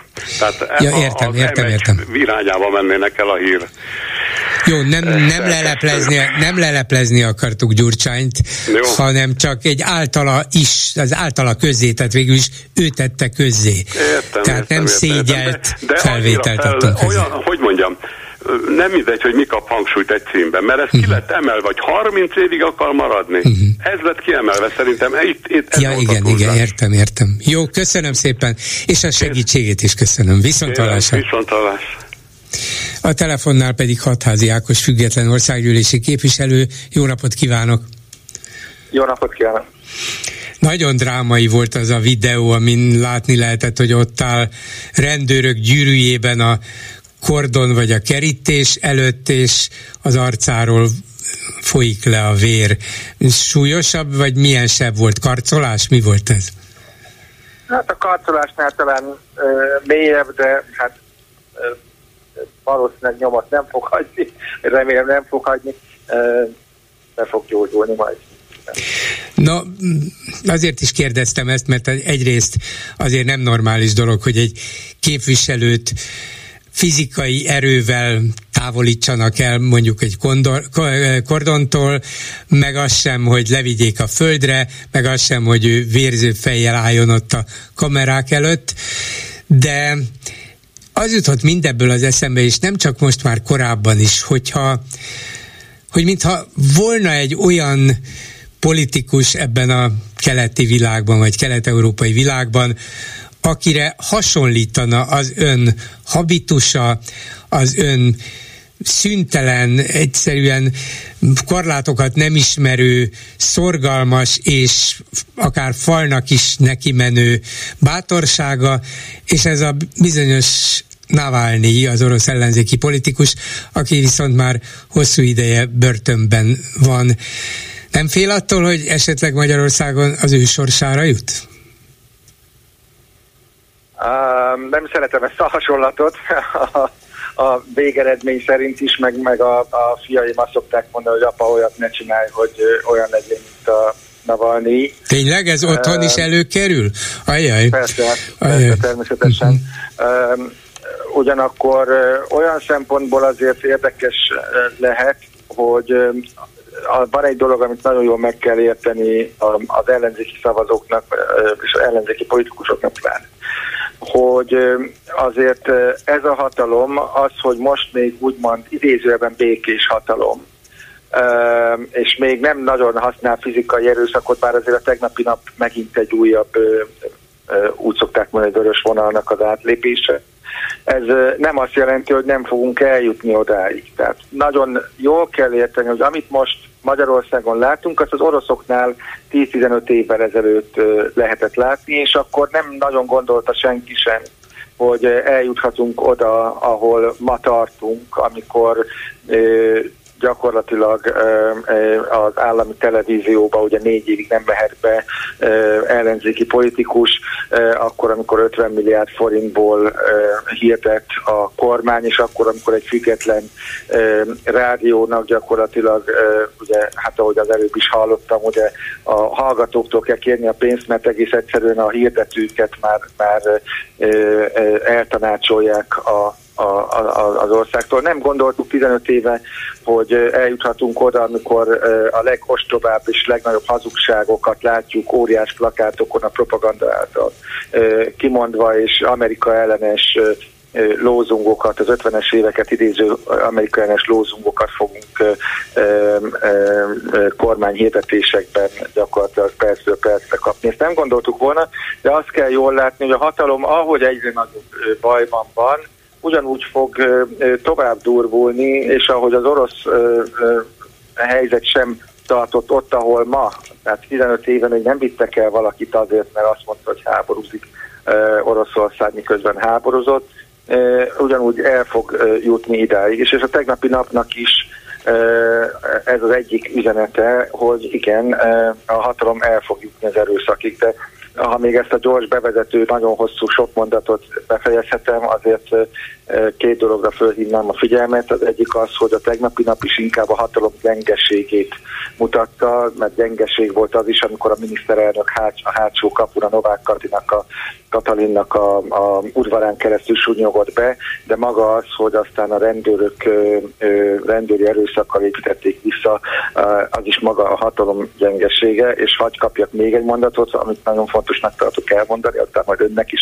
adom a szót, de megszokta ezt a, a interjú alanyaitól, az pedig az, hogy a, nem a kordonbontás a lényeg. Azt, ezt nagyon fontosnak tartom minden alkalommal elmondani, hanem azok a követelések, amiket a kordonbontással együtt megfogalmaztunk, azok a követelések, amiknek a megvalósulása nélkül nem beszéltünk választásról. Elnézést, ugye gyors voltam, vagy hosszú volt. Nem volt hosszú, és különben is igyekezett gyakorlatilag minden mondatában továbbvinni a gondolatmenetét. Még egy kellemetlen percre azért a Navalnyi-nál tartanám önt. Attól tartanak például a fiai, hogy hogy ennek tényleg az lesz a következménye, hogy a, kor, a kormány átlép egy újabb határt, és majd börtönbe is csukja a politikai ellenfeleit elsőként önt, mert ön az a legnyughatatlanabb és legbátrabb, leginkább szembeszegülő politikus, aki már egy idő után annyira kellemetlen lesz nekik?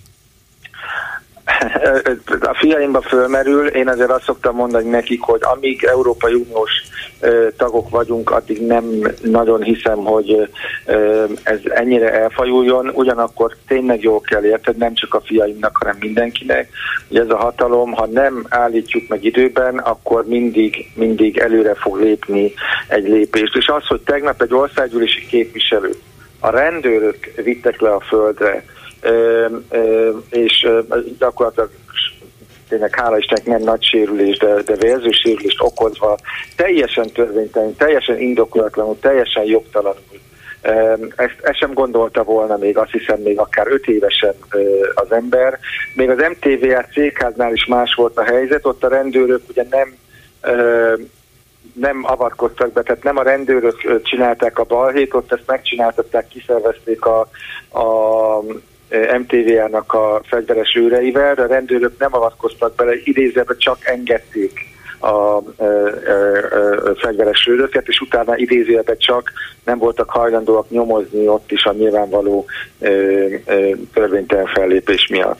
Mi lett volna, ha a rendőrök nem azt csinálják, amit. Vagyis, hogyha nem avatkoznak közbe erőszakkal, végignézik, ahogy ön és a momentumosok szétbontják a kordont, ott maradtak volna még egy ideig diadalmasan, és a rendőrök is ott vártak volna ölbetett kézzel, vagy volt arra is tervük, hogy hát ha ez így lesz, és lebontva marad az a kordon, akkor mi ezt őrizni fogjuk éjjel-nappal, hogy maradjon is így. Megvolt az a terv, hogy ezt hosszabb ideig nyitva fogjuk tartani.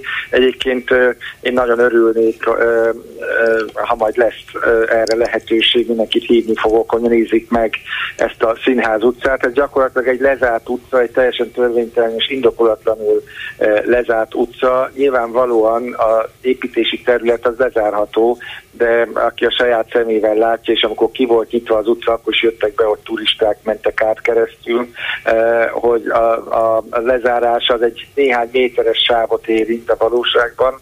A, itt ugye semmiéntől is azt kérdeztem meg, hogy milyen építkezés az, ahol a újságíróknak, meg az ellenzéki politikusoknak félni kell, hogy valami tégla esik a fejére, a kormánypolitikusok, meg a rendőrök, azok meg minden további nélkül a, grasszálhatnak ezen a területen. Nyilvánvalóan az építési területnek egyébként megvannak a, a definíciói többek között kötelező ugye a, a, a védő sisak, e, és az csak az építkezésen belül zárt térben indokol, indokolt esetben e, e, lehetett tőle eltekinteni. Mhm. Tehát ez a terület, ez azért szoktam úgy fogalmazni, hogy a hazugságnak és a cinizmusnak a jelképe, mert egyedül azért zárták le, és azután zárták le, hogy ott néhány újságíró ö, ö, ráérzett arra, hogy itt van egy pár méter, amíg oda bejutnak a, a, a bizonyos ajtóig a kormánypolitikusok, azon a pár méteren legalább lehet neki kérdéseket feltenni. Ilyen sehol máshol független képviselők, független újságíróknak ilyen lehetősége nincsen, és ezért húzták fel aztán a kordont, hogy ja, hát elfelejtettük ezt megoldani. A parlamentben, a parlamenten belül is van egy ilyen elkerített néhány négyzetméteres rész, hogy csak ott állhatnak az újságírók. A színházban, a Várszínház előtt is érdemesebb esetleg Várszínháznak hívni, mint, mint, mint Karmelita Kolostornak, tehát a Várszínház előtt is ezért zárták le ezt a területet. De még egyszer mondom, nem ez a kordon a lényeg. Tehát a kordon egy szimbólum, a hazugságnak, a cinizmusnak a szimbóluma, de nem az a lényeg, hanem azok a követelések, amire ezzel fel akarjuk hívni a figyelmet. Nem tartanak attól, hogy ezt a szimbólumot egyre kevesebben fogják értékelni, hogyha majd negyedszer vagy ötödszörre is lebontják a kordont, és ugyanúgy, hát legfőjebb egy kicsit véres lesz hatházi Ákos arca, nem történik egyéb, akkor azt fogják mondani, na hát mi értelme volt az egésznek? Én mindenkinek azt javasolnám, tehát akit zavar az, ami Magyarországon van, és én azt hiszem több millióan vagyunk ilyenek, azoknak azt javasolnám, hogy azt gondolják át, hogyha valamilyen, és voltak nagyon sokan, akik voltak már tüntetéseken, sok tízezer ember, azt gondolják, hogy sztrájkoltak, ilyenek is voltak. Ha azt gondolják, hogy elmentünk tüntetni, vagy valamit tettünk a hatalom ellen, és nem volt értelme, akkor nem az a jó következtetés, hogy legközelebb akkor nem megyek el. Tehát elmentem, voltam egy szép nagy tüntetésen, bár olyan nagyon sok nagy nem volt, ez fontos, ennek volt néhány. Elmentem, és nem, nem, nem történt utána semmi. Akkor teljesen nagy tévedés és rossz következtetés azt mondani, hogy akkor nem csinálom tovább, hiszen nem nem, bukott meg a kormány. Az a, jó, az, a jó, az a jó következtetés, hogy akkor megint el kell menni, sőt embereket kell még többször el kell menni. És ennek a mostani ugye akciónak hívják, én inkább cselekedetnek mondanám, a, nem az akció a lényege, teljes tévedés, ugye, a, és hazugság, amit a propaganda mond, hogy itt magunkra akarjuk felhívni a figyelmet, nem igaz. A követelésre akarjuk felhívni a figyelmet, és az, hogy újra és újra leszedjük, annak két oka van. Az egyik az, hogy nyilvánvalóan a, a, a, ez a hazugságnak a jelképe, és hogy néz ki, hogyha engedjük a hazugságot, és azt mondjuk, hogy jó, akkor, akkor maradjon ott. A másik viszont az, hogy azt is meg kell üzenni, és azt is megüzenjük a választóinknak is, és a, a, a kormánynak is, hogy azokat a követeléseket, azokat követelésnek szántuk, nem pedig panaszlistának, nem pedig diagnózisnak, hogy hát itt ez a baj, hanem annak, hogy ezek követelések, és a követelések akkor érhetők el azoknak a megvalósulása, hogyha nem hagyunk abba egy tiltakozást. Visszatérek még megint a Navalnyi párhuzamra, bármennyire nem tetszik önnek, és értem is, hogy mi nem tetszik, de Navalnyi végül is az ellenzék vezetőjeként, egy párt vezetőjeként igyekezett minden lehetséges eszközzel és semmitől sem visszarettenve felvenni a harcot a putyini önkényuralommal sokszor megkérdezték már öntől, és sokszor mondta, hogy nem, nem, nem, nem. De most, amikor az ellenzék amúgy is osztódik, osztódik, és osztódva sem szaporodik, föl kell vetni a kérdést, hogy van egy ember, akit lehet, hogy sokan nem szeretnek az ellenzékből sem, a politikai pártokból sem, vagy politikusok köréből sem, de azért azt mindenki elismeri, hogy tényleg megállíthatatlan és következetes és hihetetlen szorgalommal tár föl botrányosabbnál botrányosabb dolgokat, vagyis, hogy erre az alapra építve nem volna értelme önnek egy pártot létrehoznia. Lehet, hogy reménytelen, lehet, hogy elbukik, lehet, hogy önmagát alkalmatlanak tartja arra, hogy pártot vezessen, de mégis egy ilyen személyiség köré szoktak szerveződni új és elszánt mozgalmak. Az, hogy szerveződni kell, az egy teljesen jogos, jogos igény, és azt az ember azért, azért csinálja. És ez egy nagyon fontos dolog. Nem gondolom, hogy most a következő kis pártnak lenne itt az ideje, most többen csináltak már itt, viszont az, hogy egy hálózata legyen az ellenzéknek, arra mindenképpen szükség van, és nem csak és nem elsősorban azért, hogy ez a választáson induljon, mert választás nincsen. Tehát jelen pillanatban ilyen körülmények között választásnak látszó valami van, választás nincsen. De az, hogy az ellenzék az egy hálózatban működjön, erre erre, erre egyértelműen szükség van, és nyilvánvalóan ezen, ezen dolgozni kell, és dolgozni is fogok. Hagy mondjam el, volt ma ugye a Telexen a van egy nagyon jó sorozat, ugye ez a napi rajz, és egy picit szomorúan olvastam, a, a, a, ugyanakkor értve, vagy szomorúan néztem a mai ö, rajzát, ahol ö, letargiában levő fiatal politikusoknak ö, két programot ajánlanak. Az egyik, hogy le lehet menni vidékre, mert van ott egy jó jelölt, akit, hogyha feldolgoz, felépítenek és távot kap, akkor indulna esetleg a választáson. És hát a, így mondja a program szervező, hogy este hazaérnek. A másik program az pedig ugye, hogy a karmelitába kordont lehet bontani, és de akkor már délre kész vannak, és lehet menni ebédelni.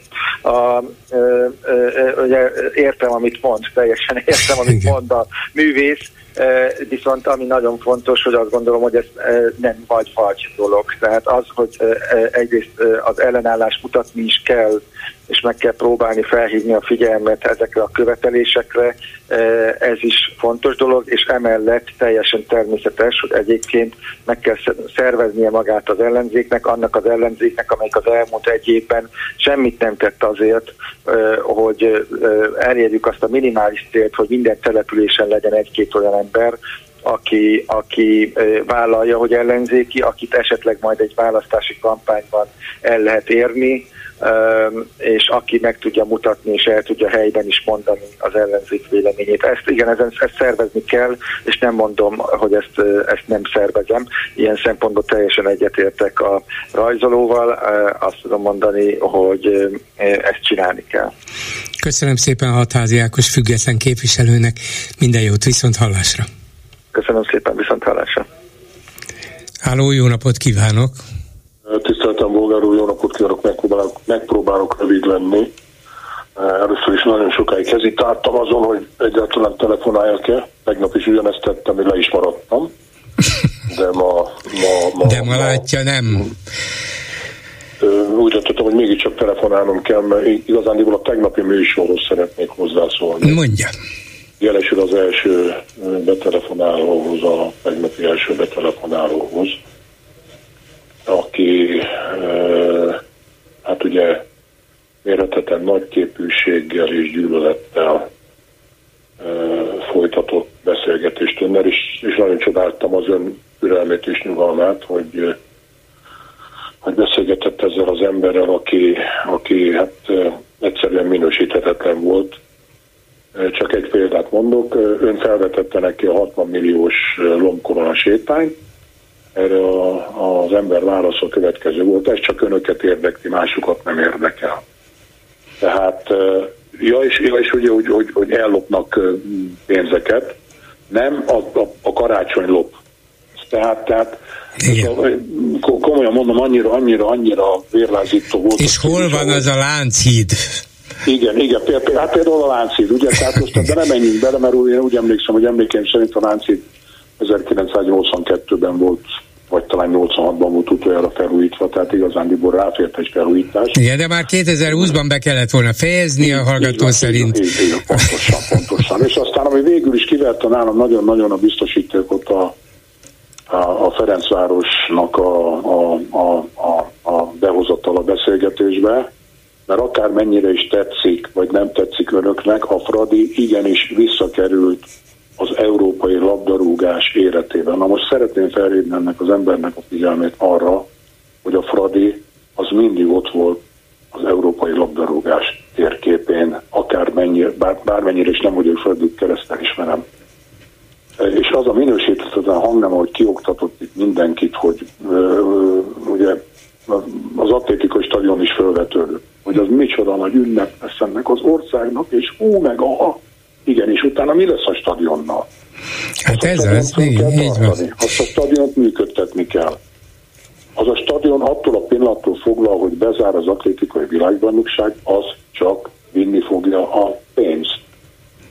Az Igen. csak vinni fogja a pénzt. És ráadásul ugye még az úszó stadionra le, azt lehetett mondani, hogy bár jóval drágában épült, mint ahogy tervezték, de gondolom az az uszoda az tele van reggel, délben, este, és ott rengetegen úsznak, de az atlétika sajnos nem olyan Igen. népszerű sportág. Magyarországon, úgyhogy egy, ekkora hatalmas stadiont egyszerűen nem lehet megtölteni sportolóval. Biztos, hogy igyekezni fognak, hogy legyen ilyen, meg olyan, meg amolyan, de ezt észszerűen működtetni valószínűleg lehetetlen. És ehhez képest ez a beruházás pedig írdatlan sok pénzbe kerül. Pontosan, renge, rengeteg sok pénzbe kerül, ugye már rég, rég nem a, az eredeti árnál tartanak, hanem, hanem már, már követni se lehet, hogy, hogy, hogy, hogy, hogy hol tartanak a beruházást illetőleg. De annyira felháborított a, a, a, az embernek a nagy képűsége kioktató és néhol már már gyűlölködő beszéde, hogy önöknek óriási szerencsém, hogy nem tegnap telefonáltam, telefonáltam be, mert szerintem akkor a klubrádiót nem csak Magyarországon, de a világ minden országából betiltották volna, mert olyan minősítetlen, minősíthetetlen Nem hagytam volna. volna semmiképpen sem, közbeszólok, de az, az a hang szólalt meg, amelyiket minden nap lehet hallani, olvasni a Fidesz közeli, Fidesz barát, vagy Fidesz tulajdonban lévő tévékben, rádiókban, újságokban, blogokban, hát pontosan ezek az érvek így ilyen ellentmondás nem tűrően hangzanak el, és vágják oda az ellenzék fejéhez, hogy na hát mit képzeltek, ti, ti mertek még bírálni bennünket, amikor ezt is megcsináltuk, amikor az is úgy van, amikor ezzel is sikert arattunk, amikor diadalmenet volt az elmúlt 12 év, amikor. És hát ez nagyon sok embernek tetszik, és úgy látszik, át is veszik, és át is érzik, és úgy gondolják, hogy igen, így van, nagyon igaz. Egyszer, egyszerűen nem, bolgárul nem lehet velük normálisan beszélgetni, tehát, tehát valami olyan iszonyatos nyugodt kimerem mondani, olyan iszonyatos gyűlölettel viszonyulnak az emberhez, hogyha kritikát fogalmaz meg a jelenlegi kormányjal és a kormányzó párttal szemben, hogy egyszerűen valami, valami, valami elképesztő. elképesztő. Tehát, mert, hogyha, tehát, mert hogyha neki ez az véleménye, és azt mondja, hogy előjön mondjuk atlétikai stadion, jó, álljunk meg egy percre, nézzük meg, hogy ez a most 250 milliárdba, de lehet, hogy a végén 300 milliárdba kerülő stadion Igen. megérje. Érdemese egy atlétikai világbajnokság miatt, aminek ez és ez lehet a hozadéka, meg előnye, egy ekkora beruházást csinálni, egy ilyen beruházás elég volna az összes magyarországi pedagógus bérének körülbelül 40%-os emelésére. Mi volna a fontosabb? Jó, tudom, hogy azt jövőre is ki kéne fizetni, meg két év múlva is, de mégis 40%-kal lehetne emelni a pedagógusok bérét. Mi volna a fontosabb ennek az országnak? Adni egy ilyen lökést a szerencsétlen pedagógusok bérének, vagy az, hogy a magyar atlétikának, amelyik hát sajnos nem nagyon van, és valószínűleg nem is nagyon lesz. Hát ez nem tartozik azok, azok, azok a sportágokba, amelyeket kiemelten támogat a kormány, ugye. Nyilván, hogy, nyilván, hogy nem, is, nem is lesz támogatva egy darabig, még akkor is, hogyha most ez az atletikai stadion fölépült. De hát ezt is kívánok. nyilván a, az olimpiai remények miért csinálták, én, hogy... Pont, én pont ezt akartam mondani, pont ezt akartam mondani, Bolgár úr, igen. Azért, azért ők, még, ők, ők még táplálják az olimpiai rendezésnek a, a, a, a, a lángját. Kiváló atlétáink voltak, és most nem akarom felsorolni az atlétáinkat, akik olimpiákon, világbajnokságon remekül, csodálatosan szerepeltek. De igazándiból az, atlét, az atlétika soha nem hozott annyi pénzt reklámbevételből, mint a labdarúgás, vagy bármely más sportág. Ezt most csak zárójelbe jegyeztem meg. De, de én nem tudom, hogy mi lesz ennek a stadionnak a sorsa de félek, hogy, hogy előbb-utóbb az enyészetté fog válni, és ki lett dobva egy, egy 300 milliárdos összeg az ablakon. Igen, mind, mindez annak a az Orbáni reménynek az oltárán, hogy akkor is olimpiát rendezünk, ha beledöglünk is. Igen, igen, hát ugye mert rendezhetünk volna olimpiát egyszer 1920-ban, illetve egyszer 1960-ban, de hát az ismert történelmi okok miatt ezek az olimpiák kellettek tőlünk véve, úgyhogy én csak ennyit szerettem volna mondani, és hagyok mást is szó. Köszönöm szépen. Örülök, hogy ma nyugodtabb volt, mint tegnap lett volna. Köszönöm. Viszont hallásra. Viszont. Háló, jó napot kívánok! Jó napot kívánok, Bolgár úr, ha én vagyok volna a Bafador János. Uh, most így csak kapcsolódva azért gondolkodom, hogy a keresztenevet olimpiára változtassam, de hát ha mégis meggondolom. Lehet egy kérdésem, hogy körülbelül mennyi az az összeg, amit önök belőttek, vagy ez egy indiszkrét kérdés? Ahogy én tudom, mondom, nem én vagyok a pénzügyi felelős, de azt hiszem, hogy körülbelül ilyen 140 millió forintra volna szükségünk. Hát nyilván nincs kőbevésve a dolog, de nagyságrendileg ennyi jött össze tavaly ősszel, az a vártnál sokkal nagyobbra sikerült, de hát azóta meg látjuk, hogy nem csak látjuk, érezzük is, hogy mekkora az infláció, mennyivel nőttek a mi kiadásaink, tehát körülbelül azt kellene elérnünk, amit tavaly tavaly szeptember-októberben. Akkor még segítünk pluszba. Jaj, köszönjük. Az ellenzék hogy tudna győzni gyorsan, elnézést, mert több dolgot szeretnék érinteni. Ez az ellenzék, ez borzasztó egyszerű, mivel lehet győzni, talán emlékszik, nem biztos. Én voltam az, aki annak idején az állampolgári bónuszmilliót javasoltam, és nagyon tiltakozott, stb., hogy ez mennyi pénz, és egyebek. Magyarul pénzzel lehet győzni, gyűlöletkeltéssel lehet győzni, és nem tudom mi a harmadik, a gyűlöletkeltésre meg volna még egy javaslatom, ha az ellenzék elkezdené javasolni a halálbüntetést, hirtelen úgy megugrana a népszerűsége, mint a szél.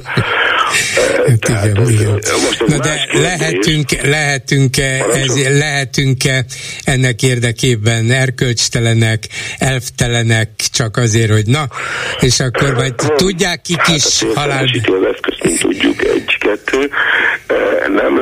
fiúkat máshogy megkerülni, csak most akkor nevezzük nevén aljassággal. Tehát aljas embert, aljas rendszert, aljas módszerekkel lehet legyőzni, úgy nem, hogy jó napot kívánok, megtetszik engedni, hogy én most egy picit odébb menjek, vagy nem menjek odébb. Szóval ezt így, ezt így nagyon nehéz elképzelni. Az egy másik dolog, hogy most a Gyurcsány mit mond, hogy akkor ha ő, ha ő nem lenne, akkor mi lenne? Hát én szerintem, ha ő nem lenne, de legyen, tehát nem fizikailag ne legyen, ha ő nem lenne, akkor egy picit jobb lenne a helyzet, picit hátrébb vonulna, de hát ilyen teljesen ilyen, ilyen hogy mondjam, ilyen exhibicionista típus, aki mindig oda van, hogy valamit... Na de abban is, abban is van valami, amit, hát, amit ő mond, hogy hát miért nem, miért nem jobbak a többiek? Hát mi, ki akadályozza uh-huh. meg őket ebben? Ha feltűnt volna a Momentumnál, a többinél, a párbeszédnél, akármelyiknél, az MSZP-nél olyan politikai vezető, akiben jobban megbíznak, akiben több a szansz... Tessék? Szabad egyet kérdeznem? Hogy nem? Ön szerint a Gyurcsány hanyas volt matekból? Szóval ilyen a világon nincs, hogy valaki elkezd küzdeni azért, hogy talán 20-as lesz, vagy 18-as, vagy 21-es, és akkor ugyanúgy lesz minden, mint eddig. Szóval ezt azért valaki tegye már föl neki ezt a kérdést, hogy a Gyurcsány szerint kettő meg kettő az négye, vagy öt, vagy három. Hát igen, de ő joggal kérdezi ezt, hogy miért nem lesz a Momentum 20, vagy miért nem lesz 30? Lehet. Tőlem lehet, vagy azt nem mondta persze, hogy örülnék neki, mm-hmm. De mondjuk a pálya nyitva van, és a Momentum tényleg nagy reményekkel és nagy lendülettel indult, nem lett 20, nem lett talán 10, és akkor a 10-nél nem sikerült tovább mennie. Talán most meg alatta is van. Szóval mhm. e- ennyiből a dolog tényleg nyitott, és azt lehet mondani, hogy elég, ha az ellenzék szavazóinak többségét maga mögé állítja valamelyik ellenzéki párt, és Most akkor... a Momentumból 30, hogyha elhapolja az összeset. Na de ez Mert azt jelenti akkor, hogy 20, jobb... 21, és akkor egyébként ugyanott legyünk, ahol a part szakad. Igen, ez igaz. A matematikánál, de nincsenek jelentősége, szóval ezt én... Ez, ez igaz, de a... Egyszerűen fánalmasnak tartom azt, hogy van egy ember, aki... Hát, én, én azt látom rajta, hogy ő gyakorlatilag nem bírja azt elfogadni, ami vele történt. Amit egyébként döntően ő okozott saját magának, és most mindegy, hogy most a beszédről beszélünk, vagy a castingos részről, egyik, egyik borzalmasabb volt, mint a másik, most mindegy, nem érdekes. De egyszerűen nem bírja elfogadni, és ő betegesen hisz abba, hogy ő valaha még meghatározó ö, ö, tényező lesz. Hát nem lesz. Szóval ö, egyébként én a két farkú kutyákra fogok szavazni. Én, aki, és bocsánat, most azt mondom, hogy a családommal együtt 1990-től visszamenőleg minimum 100 szavazatot adtunk le erre az oldalra, most mindegy, hogy MSZP, SZDSZ, DK, stb. A büdös életbe se és nem vagyok, tudja mit, inkább a Fideszre fogok szavazni. Jaj, ne, ne, ne, ezt nem mondja, ennyire ne legyen elkeseredve. Azért ne, nem az ön szavaiból azt veszem ki, hogy, hát, hogy... Nem, szóval az, hogy van valaki, aki, aki öntön érezi magát, és aki nem fogadja el, hogyha elmenne mondjuk Dominikára, vagy nem tudom hova, Barguzinba, akkor nevezzük nevét, akkor egyszerűen sokkal jobb lenne mindenkinek. De nem megy el, hanem ő akarja bizonyítani, hogy ő nagyon, be, nagyon nagy ember. Na de hát valamiért mégis csak megvan ez a 15-20 százalékos támogatottsága. És azzal mire megyünk? Ne, semmire, csak a többieknek meg nincs meg annyi se. Hát a, akkor abban is lehet valami baj, hogy a többieknek nem sikerül. Miért? Na most ne haragudjon, bolgár úr, valaha elindult ötször is azon a versenyen, ahol előtte négyszer már nyolcadik lett? Már kicsoda? Mármint, hogy ön elindult valaha olyan versenyen, ahol előtte négyszer már nyolcadik lett, vagy ötödik, vagy Hogy ne, én sráckoromban még teniszversenyeken indultam, és nem, nem, volt, nem volt gyakran, hogy bejutottam a legjobb nyolc közé. Általában előbb kiestem. De mindegy, ettől még a teniszt szeretem, még most is játszom, szóval nem kell mindig nyerni, de mondjuk a, a politika meg a választás tényleg arra megy, hogy nyerjen valaki, és Ezt megcsinálja, megcsinálja azt, azt, amit szeret. Arra, Igen. arra szeretnék Igen. szavazni, akiben hiszek, hogy nyerni fog. A gyurcsányt az életben nem fog nyerni. Ha lesz 25 a akkor se. És akkor még egyet még, hogy elnézést, hogy itt csapongok, de a Baranyi... Hadd had, had mondjak, bocsánat, bocsánat, ha hall engem, nem, ha hall engem egy pillanat. Mi lett volna, hogyha április harmadikán győz az ellenzék? Másnap mi lett volna? Hát szerintem elkezdtek volna az örömön kívül egy kicsit alkudozni egymással, hogy na, hogy legyen, akkor ki mit, hogyan, ki irányít, hogy irányít. Biztos, hogy lett volna belőle veszekedés, de azért láttunk már... Akkor mi lett volna, kedves bolgár úr? Ja, hogy ott Mert mi lett volna? De akkor ez, nem, az az alapon... Nem viccelnek, tehát ők mi az, hogy félnek, persze, hogy félnek, de itt kőkövön nem marad, hogyha nem ők győznek. Uh, És nem hiszem, hogy én vagyok az egyetlen, aki ezt gondolja. Uh, egészen biztos, hogy kőkövön nem marad. Jönnek a Fidesz hívők, mind a két és fél millió, és felgyújtsák Budapestet, meg nem tudom én mit csinálnak. De akkor azt mondom, tehát hogy április... április... Nem, hogyha nem a Fidesz győz, itt borzalom lesz. Ezen az április 4-én melezett volna a következő nap, még mindig Orbán Viktor vezette volna a kormányt, még mindig Pintér Sándor lett volna a belügyminiszter, ha tehát az ő irányításuk alatt földgyújtják Budapestet, akkor nem dicsőséges vezetőként vonulnak be a történelembe, hanem az ország elveszejtőiként, úgyhogy ezt nem hagyhatták volna. Most ez egy más kérdés, hogy lehet, hogy június közepén beiktatják az új kormány Márki Zaj Péter vezetésével, és akkor, amikor már nem ők a felelősek, megszerveznek egy nagy hát mondjuk így békemenetet, amely csúnya módon végződik, ezt nem zárom ki, de azért még szerintem akkor is jobb olyan pozícióból várni az elkerülhetetlen konfliktusokat, amikor valaki kormányon van, ő irányítja a rendőrséget, ő tud különböző eszközöket használni, és aztán bízunk a békés megoldásban. De azon az alapon, hogy a Fidesz úgyse bírja elviselni a vereséget, és inkább mindent lerombol, akkor inkább szálljunk ki mindenből. Gyurcsány is szálljon ki, a Momentum is, de a kétfarkú kutyapárt is. Uh-huh. Mert hogy ön előtt teljesen sima az, hogy nem, átadás, nem. átvétel. Nem, nem teljesen Orbán sima, és nem. Ne adj Isten ki között, most nem mondom, nyilván nem a gyurcsány. Nem, nem sima. És akkor, és akkor ez így abszolút nem. kultúráltan, és nem. magabiztos azzal. Nem, nem, Aha. nem, nem, nem. Tele... Te nincs ez, de ön előtt van? Nem, nem, nem teljesen sima. De azt mondom, hogy de ha egyszer a többség... No, hát elnézést kérek, akkor... Jó, de ha a többség az ellenzékre... Mert jó. Ezek szerint akkor nagyjából egyetértünk. Azzal viszont, amit a legelején mondtam, hogy a hatalom átvétel csak a magyar embereknek sok pénzt kell ígérni, és gyűlöletet kell ígérni. És az azt jelenti, hogy na, ha mindenki kap egy millió forintot, és mindenki biztos lehet benne, hogy visszahozzuk a halálbüntetést, ezzel a kettővel lehet győzni. Az egy más kérdés, hogy ez mennyire erkölcsös vagy erkölcstelen. Értem. El kell dönteni, ha valaki akarja hatalmat, hogy ez most belefére vagy sem. Igen, köszönöm szépen, viszont hallásra. Köszönöm a legjobbakat. Na és mit mondanak a Facebookon, mert hogy mit, mit mondtak a telefonban, rádióban, ezt hallottuk, Lőrinc Saba. Szia Gyuri, köszöntöm a hallgatókat, egy gondolatáig jött a, a telefonálóra reagálnék. Én valószínűleg ebben nem vennék részt, hogyha ilyesmivel próbálkozna például a, az ellenzék. Hogy mindenkinek adjunk egy millió forintot? Nem, nem erre gondoltam konkrétan, ja, a, halál, a halálbüntetésről. Hát, nem is hiszek abban, hogy ezzel egyébként olyan sok embert lázba lehetne hozni, de de hát jó, azt a gondolatot sem tartom igazán se célra vezetőnek, se jónak, hogy legyünk olyan gazemberek, mint ők. Nem. nem. Azzal nem lehet nyerni, és ha sikerülne is, akkor az tényleg csak tiszta világ, virági életű volna, de sokan nem is csatlakoznának hozzá. Ezzel szerintem nem lehet felelkesíteni a, az Orbán rendszerrel szemben állókat. És ahogy a kommentelő, kommentekből is kiderül, az ellenzéknek épp elég, van épp elég problémája még amellett, hogy egy ilyet, ilyesmit megfontolást tárgyává tegyen egyáltalán. Az ellenzék folyamatosan osztódással szaporodik, talán egy kommentelő például arra, hogy Mesterházi Attila is létrehozott egy saját pártot. Igen. Igen, a Fidesz röhög, mert olyas módon megváltoztatta a választási törvényt is. Ez, ez is tiszta sor.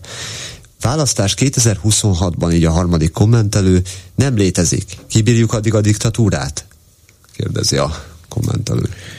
Hát hogy ne bírnánk ki? Hát ez az ország nagyjából diktatúrákban élt folyamatosan, úgyhogy persze, hogy kibírjuk. Nem örülünk neki, de aki meg nem bírja ki, még mindig abban a viszonylag kedvező helyzetben van legalábbis sokan, hogy vehetik a kalapjukat, vagy az utazótáskájukat, és még elmehetnek. Igen, csak hát ebben a, mégiscsak ott van az, hogy ez nem egy belső kényszer. Egy másik gondolat a világháborúval kapcsolatban, illetve a világháború kockázatával kapcsolatban. Szerintem az csak Putyin robbanthatja ki így a kommentelő, és csak azzal, ha megtámad egy NATO tagországot.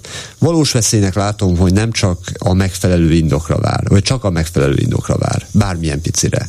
Mert hogy nem, nem vonulhat le arcát vesztve a, a vesztesként a háborúból. Hát igen, de azért azzal remélem tisztában van Putyin is, meg a mögötte álló vezetők is, hogy a világháborúban Oroszország is megsemmisül, és akkor még történelem könyv sem lesz, amelyik a dicsőséges lapjaira fölírja, hogy Putyin elnök visszaállította az orosz világbirodalmat, mert sajnos megszűnik létezni. Igen, minden már, sok minden mással egyetemben sajnos.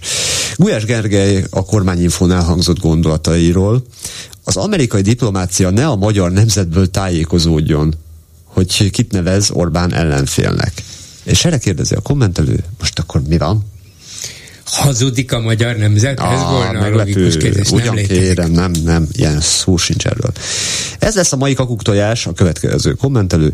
Igyekszem nem csak kritizálni a kormányt, minden korábbinál többet tettek az országimázsért. Egyszerűen az Orbán kormány el nem, vitatható, el nem vitatható érdeme, hogy ma már sokkal kevesebben keverik össze Bukarestet és Budapestet. Ez így van. És egy utolsó gondolat. Ha jól értem a magyar királyi ügyészség, jól értem a magyar királyi ügyészség állásfoglalását, ha jövőben Orbán Viktor éppen francia rivériára szeretne kiruccanni, azt minden további nélkül megteheti akármikor és akárhányszor. Hogy nem. Jó egészséget, jó pihenést kívánunk. Ennyi lett volna a kommentáció. Köszönöm szépen, egy egész rövid hozzászólásra talán van mód. Jó napot kívánok! Háló, jó napot kívánok, Bolgár úr, rövid leszek. Igen. Egy kérdésem lenne, mekkora hallgatottsága a klubrádiónak körülbelül? Hát ezt nehéz megmondani. Egyszerűen nagyon pontos, másrészt nagyon bizonytalan. Mondjuk egy adott pillanatban lehet, hogy minket most hallgatnak olyan 15-16 ezer helyen, az azt jelenti, hogy valószínűleg 20-25 ezer ember, mert nem egy ember hallgatja. Ez összeadva egy napon át, ez valószínűleg legalább 50-60-70 ezer ember a különböző műsoroknál, és de az is lehet, hogy ennél több és mondjuk egy héten szerintem ez több százezresre is kijöhet, és így szokták számolni a rádiók hallgatottságát, vagyis azt kell mondani, hogy versenyképes a frekvenciákon működő rádiókkal. Igen, ezt azért kérdezem, mert én azt gondolom, hogy a magyar értelmiségnek egy bizonyos része, 20 ezeren, 20 ezeren biztosan hallgatják a klubrádiót. Biztos, hogyne, hogyne.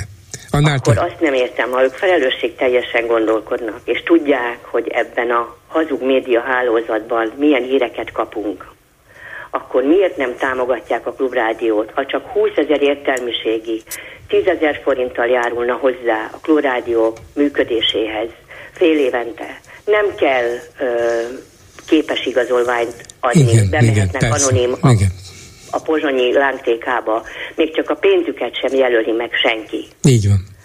Igaza van, igaza van, és köszönjük szépen. Szerintem sokan támogatnak közülük is Igen. bennünket. És nagyon kérem, Bolgár úr, hogy ezért szíven ütött egyébként, és felzaklatott az ön mondata, hogy szégyellik, hogy kérni kell. Nem önöknek kell szégyelni, önök értünk dolgoznak. Annak kell szégyelni, aki nem gondolkodik felelősségteljesen, és nincs néhány ezer forintja, pedig megtehetné, hogy támogassa önöket az ország érdekében. Szerintem sokan gondolják így, hogy van, kell és lesz is. Én bízom a hallgatókban, és össze fog jönni, de köszönöm a támogatását. Viszont hallásra! Köszönöm, viszont hallásra. Ezzel a megbeszéljük mai műsora véget ért. Készítésében közreműködött Zsidai Péter, Lőrinc Csaba, Erdei Tünde Lehocki Miriam és Kemény Dániel. Bolgár Györgyöt hallották. Viszont hallásra jövő kedden, és addig is szép húsvéti ünnepeket kívánok Önöknek. Viszont hallásra. Ez a műsor sem jöhetett volna létre az Önök támogatása nélkül.